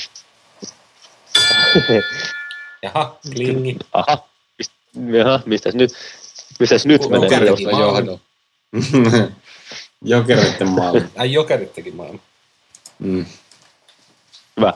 No ehkä se nyt on kuitenkin uskottava, että se 3D on tässä nimessä nyt sit hyvä juttu. Hyvä juttu. Ja se on, se on selkeästi markkinointijuttu myös. Ja, ja, mutta jos mennään siihen arvioon, mä yritän vimmaa tuosta löytää mä hukkasin se. Hyvä. Niin, niin, niin, niin. Tämä oli täyttä toimintaa, raakaa menoa. Mielenkiintoinen elokuva kyllä, vaikka tämä niinku, itse asiassa niinku iso tarina, laaja tarina, mutta todella toimiva, todella viihdyttävä ja, ja niin kuin pitää kyllä niin kuin koukussa hyvin koko ajan ja kiinnostaa katsoa ja mua kiinnostaisi nähdä lisää, joka tarkoittaa hyvä tuote. Hyvä tuote kyseessä ja pakko myöntää, että tässä kohtaa ollaan onnistuttu paremmin lavastuksessa ja puvustuksessa myös, mitä tässä meidän maailmanmestaruusvuoden versiossa. Nämä puvut näytti tällä kertaa siltä, että nämä oikeasti voisi olla niin tällaisia poliisi kautta tuomari asuja, jotka on topattu sitten ää, mahdollisilla luotiliiveillä ja muilla. Ja, ja oikeastaan niin kuin, ja siis visuaalisesti hieno elokuva. Ja tässä, tässä itse asiassa tämä kohtaus nähneet tietää tämän, jossa tämä on pilvessä tämä mama ja, tai aineissa ja nostaa kättä siinä kylpyammeessa. Tämmöinen jännä fakta mulla siitä vielä muistui mieleen, niin, niin tämä oli käsikirjoitettu alun perin niin, että hän, hän istuu sohvalla ja vetää slow ainetta. Mutta sitten tämä lavastushenkilö, kun se oli, joka tapauksessa, jos se olisi kylpyammeessa. Ja, ja sitten siitä lähti ajatus, että se voisi olla itse asiassa visuaalisesti kauniimpi. Pätkikö se vai, vai Pätki, mutta, tuli, mutta ainakin mä sain nyt selvää, että lavastaja oli ollut sitä mieltä, että se on visuaalisesti ehkä parempi. Tai siis ehdottanut sitä kylpyammet ja ne muut oli ollut sitä mieltä visuaalisesti parempi. Yes. Kyllä. Yes. Niin tällä oltiin päädytty, päädytty tähän, että se oli käsikirjoitettu tosiaan sohvalle alun perin. Ja tämmönen, mitä se päätyi elokuvaan, niin mä voin kuvitella, että se on ehkä nyt visuaalisesti hippasen ehkä paremman näköinen kuin se, että se olisi rötvennyt sohvalla se nainen. Niin, niin, niin, niin nämä toimi kyllä kaikki slow-jutut ja niitä oli riittävästi, mutta niitä ei ollut mun mielestä liikaa. Ja, ja sitten oli, oli mielenkiintoisia, käsikirjoitus mielenkiintoisia sillä, että se teki kivaa lisää se tämä psychic nainen siihen. Toki se oli aika ennalta arvattava, mitä siinä tulee tapahtua ja käy. Et silleen se ei kauheasti yllättänyt kyllä, mutta plussan puolella siis ollaan. Siitä on vähän itketty, että miksi naisella ei ole kypärää. No ei tietenkään, kun sit se jos voinut lukea ajatuksia. Ja sitten kaikki mieskatsojat vasta olisikin ollut nyrpeenäs. Kaikki olisi näyttänyt Rediltä, niin kuin ainakin tästä naamasta, niin kuin leuasta kaikki mieskatsojat, miksi me nähdään vaan naisen leuka. Tässäkään mun ei ollut kauhean seksistisesti kuvat. Niin ja Einari meni hiljaiseksi.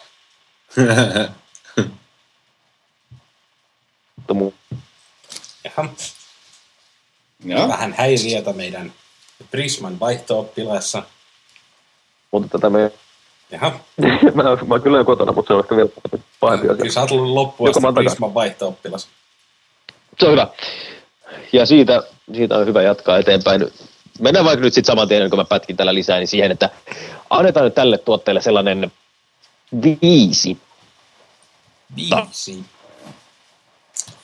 Ja sitten kun on mun vuoro, niin siis tota, mä kans tykkäsin elokuvasta tosi paljon kaikin puoli, siinä ei niinku mitään. Se just, mitä mä oon niinku sanonut, sanonut, niin on toi, että toi, toi et kun se sijoittui siihen yhteen paikkaan. Ja sitten ehkä siihen vaikuttaa se, että se yksi paikka ei niin toiminut. Että mä olin just kattonut sen Ride-leffan, mikä samalla tavalla sijoittui siihen yhteen taloon. Onko meillä ketään enää linjoja, ketä kommentoi jotain? Mm, kyllä, kyllä. No niin. Olen nähnyt kummatkin elokuvat. Niin, niin, kun mä oon nähnyt ne niin suht lähekkäin, niin voi olla, että sekin vaikutti siihen mun mielipiteeseen. Mutta totta kai se on ymmärrettävää, tämä niin raha-asia, että miksi se on täytynyt tehdä näin.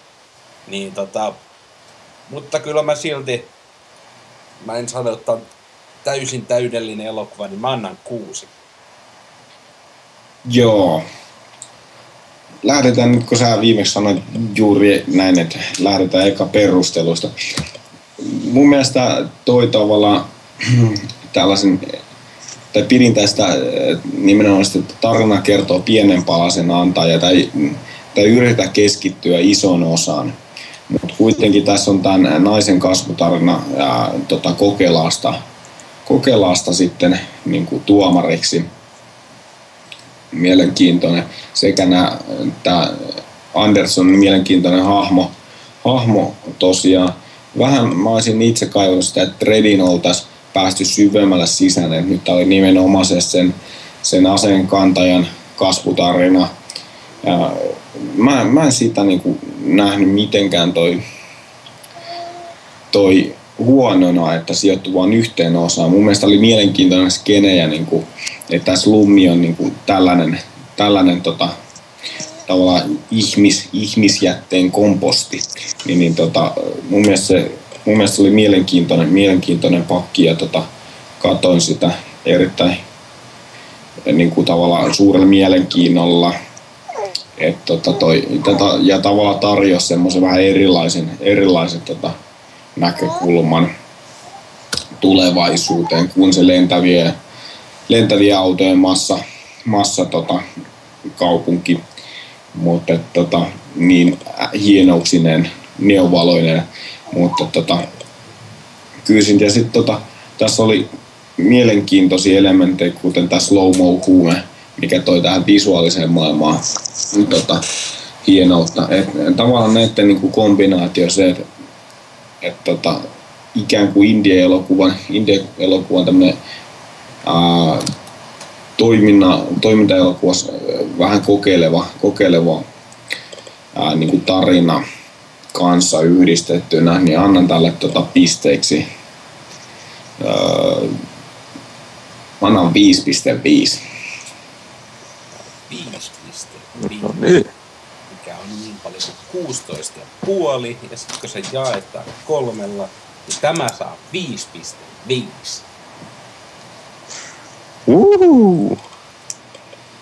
Yeah. Huomattavasti keskivertoa parempi elokuva kyseessä. Ehdottomasti.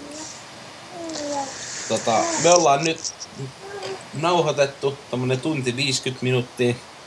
Mm-hmm. Tällä hetkellä mielelläni pitkittäisin tätä, mutta kun meillä on vähän näitä pätkimisongelmia, että tästä ei tule ihan hirveä mössö, niin onko teillä jotain, Kyllä.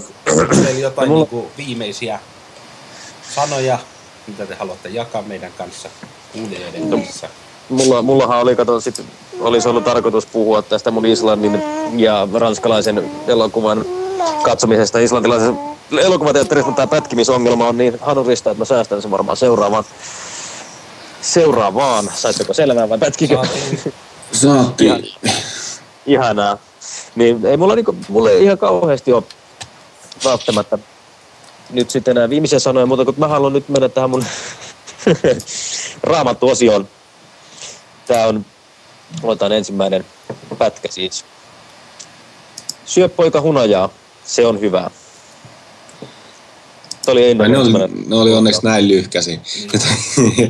Toi, se, semmoinen, semmoinen tota, mä nyt voisin itse antaa tätä loppu, loppupuheena, että, että tota, kiitos tästä uudesta ohjelman palstasta Einari tai osiosta.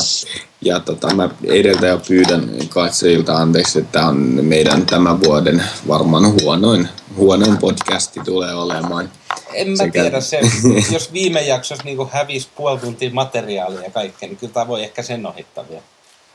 Okei. Okay, okay. Ehkä tämän ja. vuoden toisiksi paras. Toisiksi niin, niin. paras.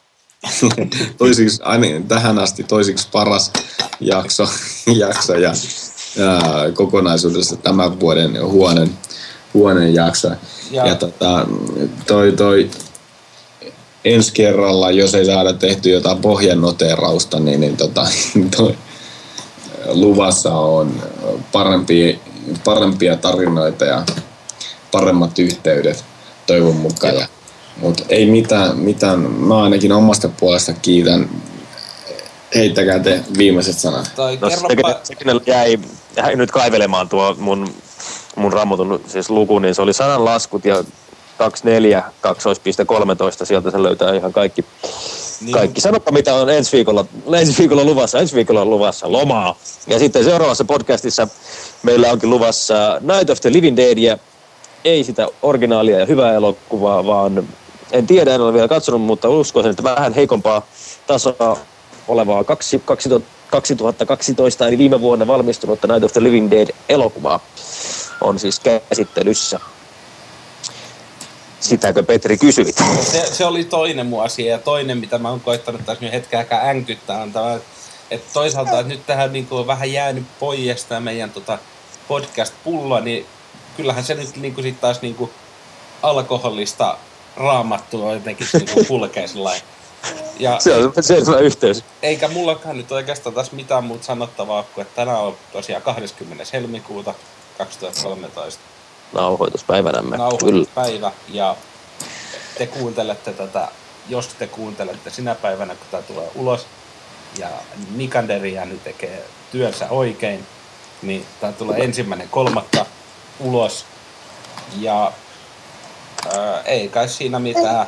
Sonin Future Eventtiin neljä tuntia kolme minuuttia.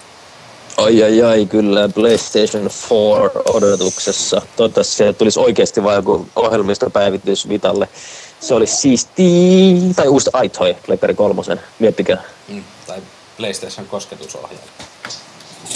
Jee. DualShock Touch. Oi oi, kyllä, ohjelma iOSlle ja Androidille. Skablau. Kyllä tällä Sony vie meidät tulevaisuuteen. Mutta, mutta, joku Twitterissä-. Twitterissä korporaatio, korporaatio fi, Facebookissa facebook.com kautta VK podcast ja sitten meidän studionumero te tiedättekin, ottakaa siihen yhteyttä ja sähköposti on eh, podcast at villilakorporaatio.com palautetta saa pistää. Hänen Eddie Medge ja Tele Finland ja muut. Ja tota, tähän loppuun vielä, niin Rami, laita sun yhteystiedot tonne podcastin sähköpostiin, niin mä pistän sun DVD tulemaan. Ja avataan nyt sitten kisa uudestaan. Ei tässä ole enää muuta kuin kahdeksan jaksoa ja me tarvittaisiin uusi alkutunnari. Jos me kymmenen välein halutaan vaihtaa, niin kyllä pistäkää tulemaan. Katsotaan saako seuraava jotain palkintoa. Jos, jos jatketaan kovin pitkään, niin ei meillä ole kohta enää itsellä levyjä yhtään, niin ei luvata vielä tässä vaiheessa palkintoa, mutta ehkä sieltä jotain salaista ihanaa tulee. No luvataan jotain salaista ja ihanaa, eli ennalta määrittelemätöntä, niin me voidaan se ainakin antaa Eli paskaa lähetetään. Paskaa purkissa tulee seuraavan tunnarin tekijälle, että nyt kannattaa todellisesti ottaa se syntikka kautta harmonikka käteen ja näppäillä sulosoituja. Ja taas meni teosta. Joo. Mistä tällä kertaa? No, se on hyvä. Ennen kuin me ollaan ihan rutiköyhiä, niin minun puolestani kiitos. Hei hei. Hei hei.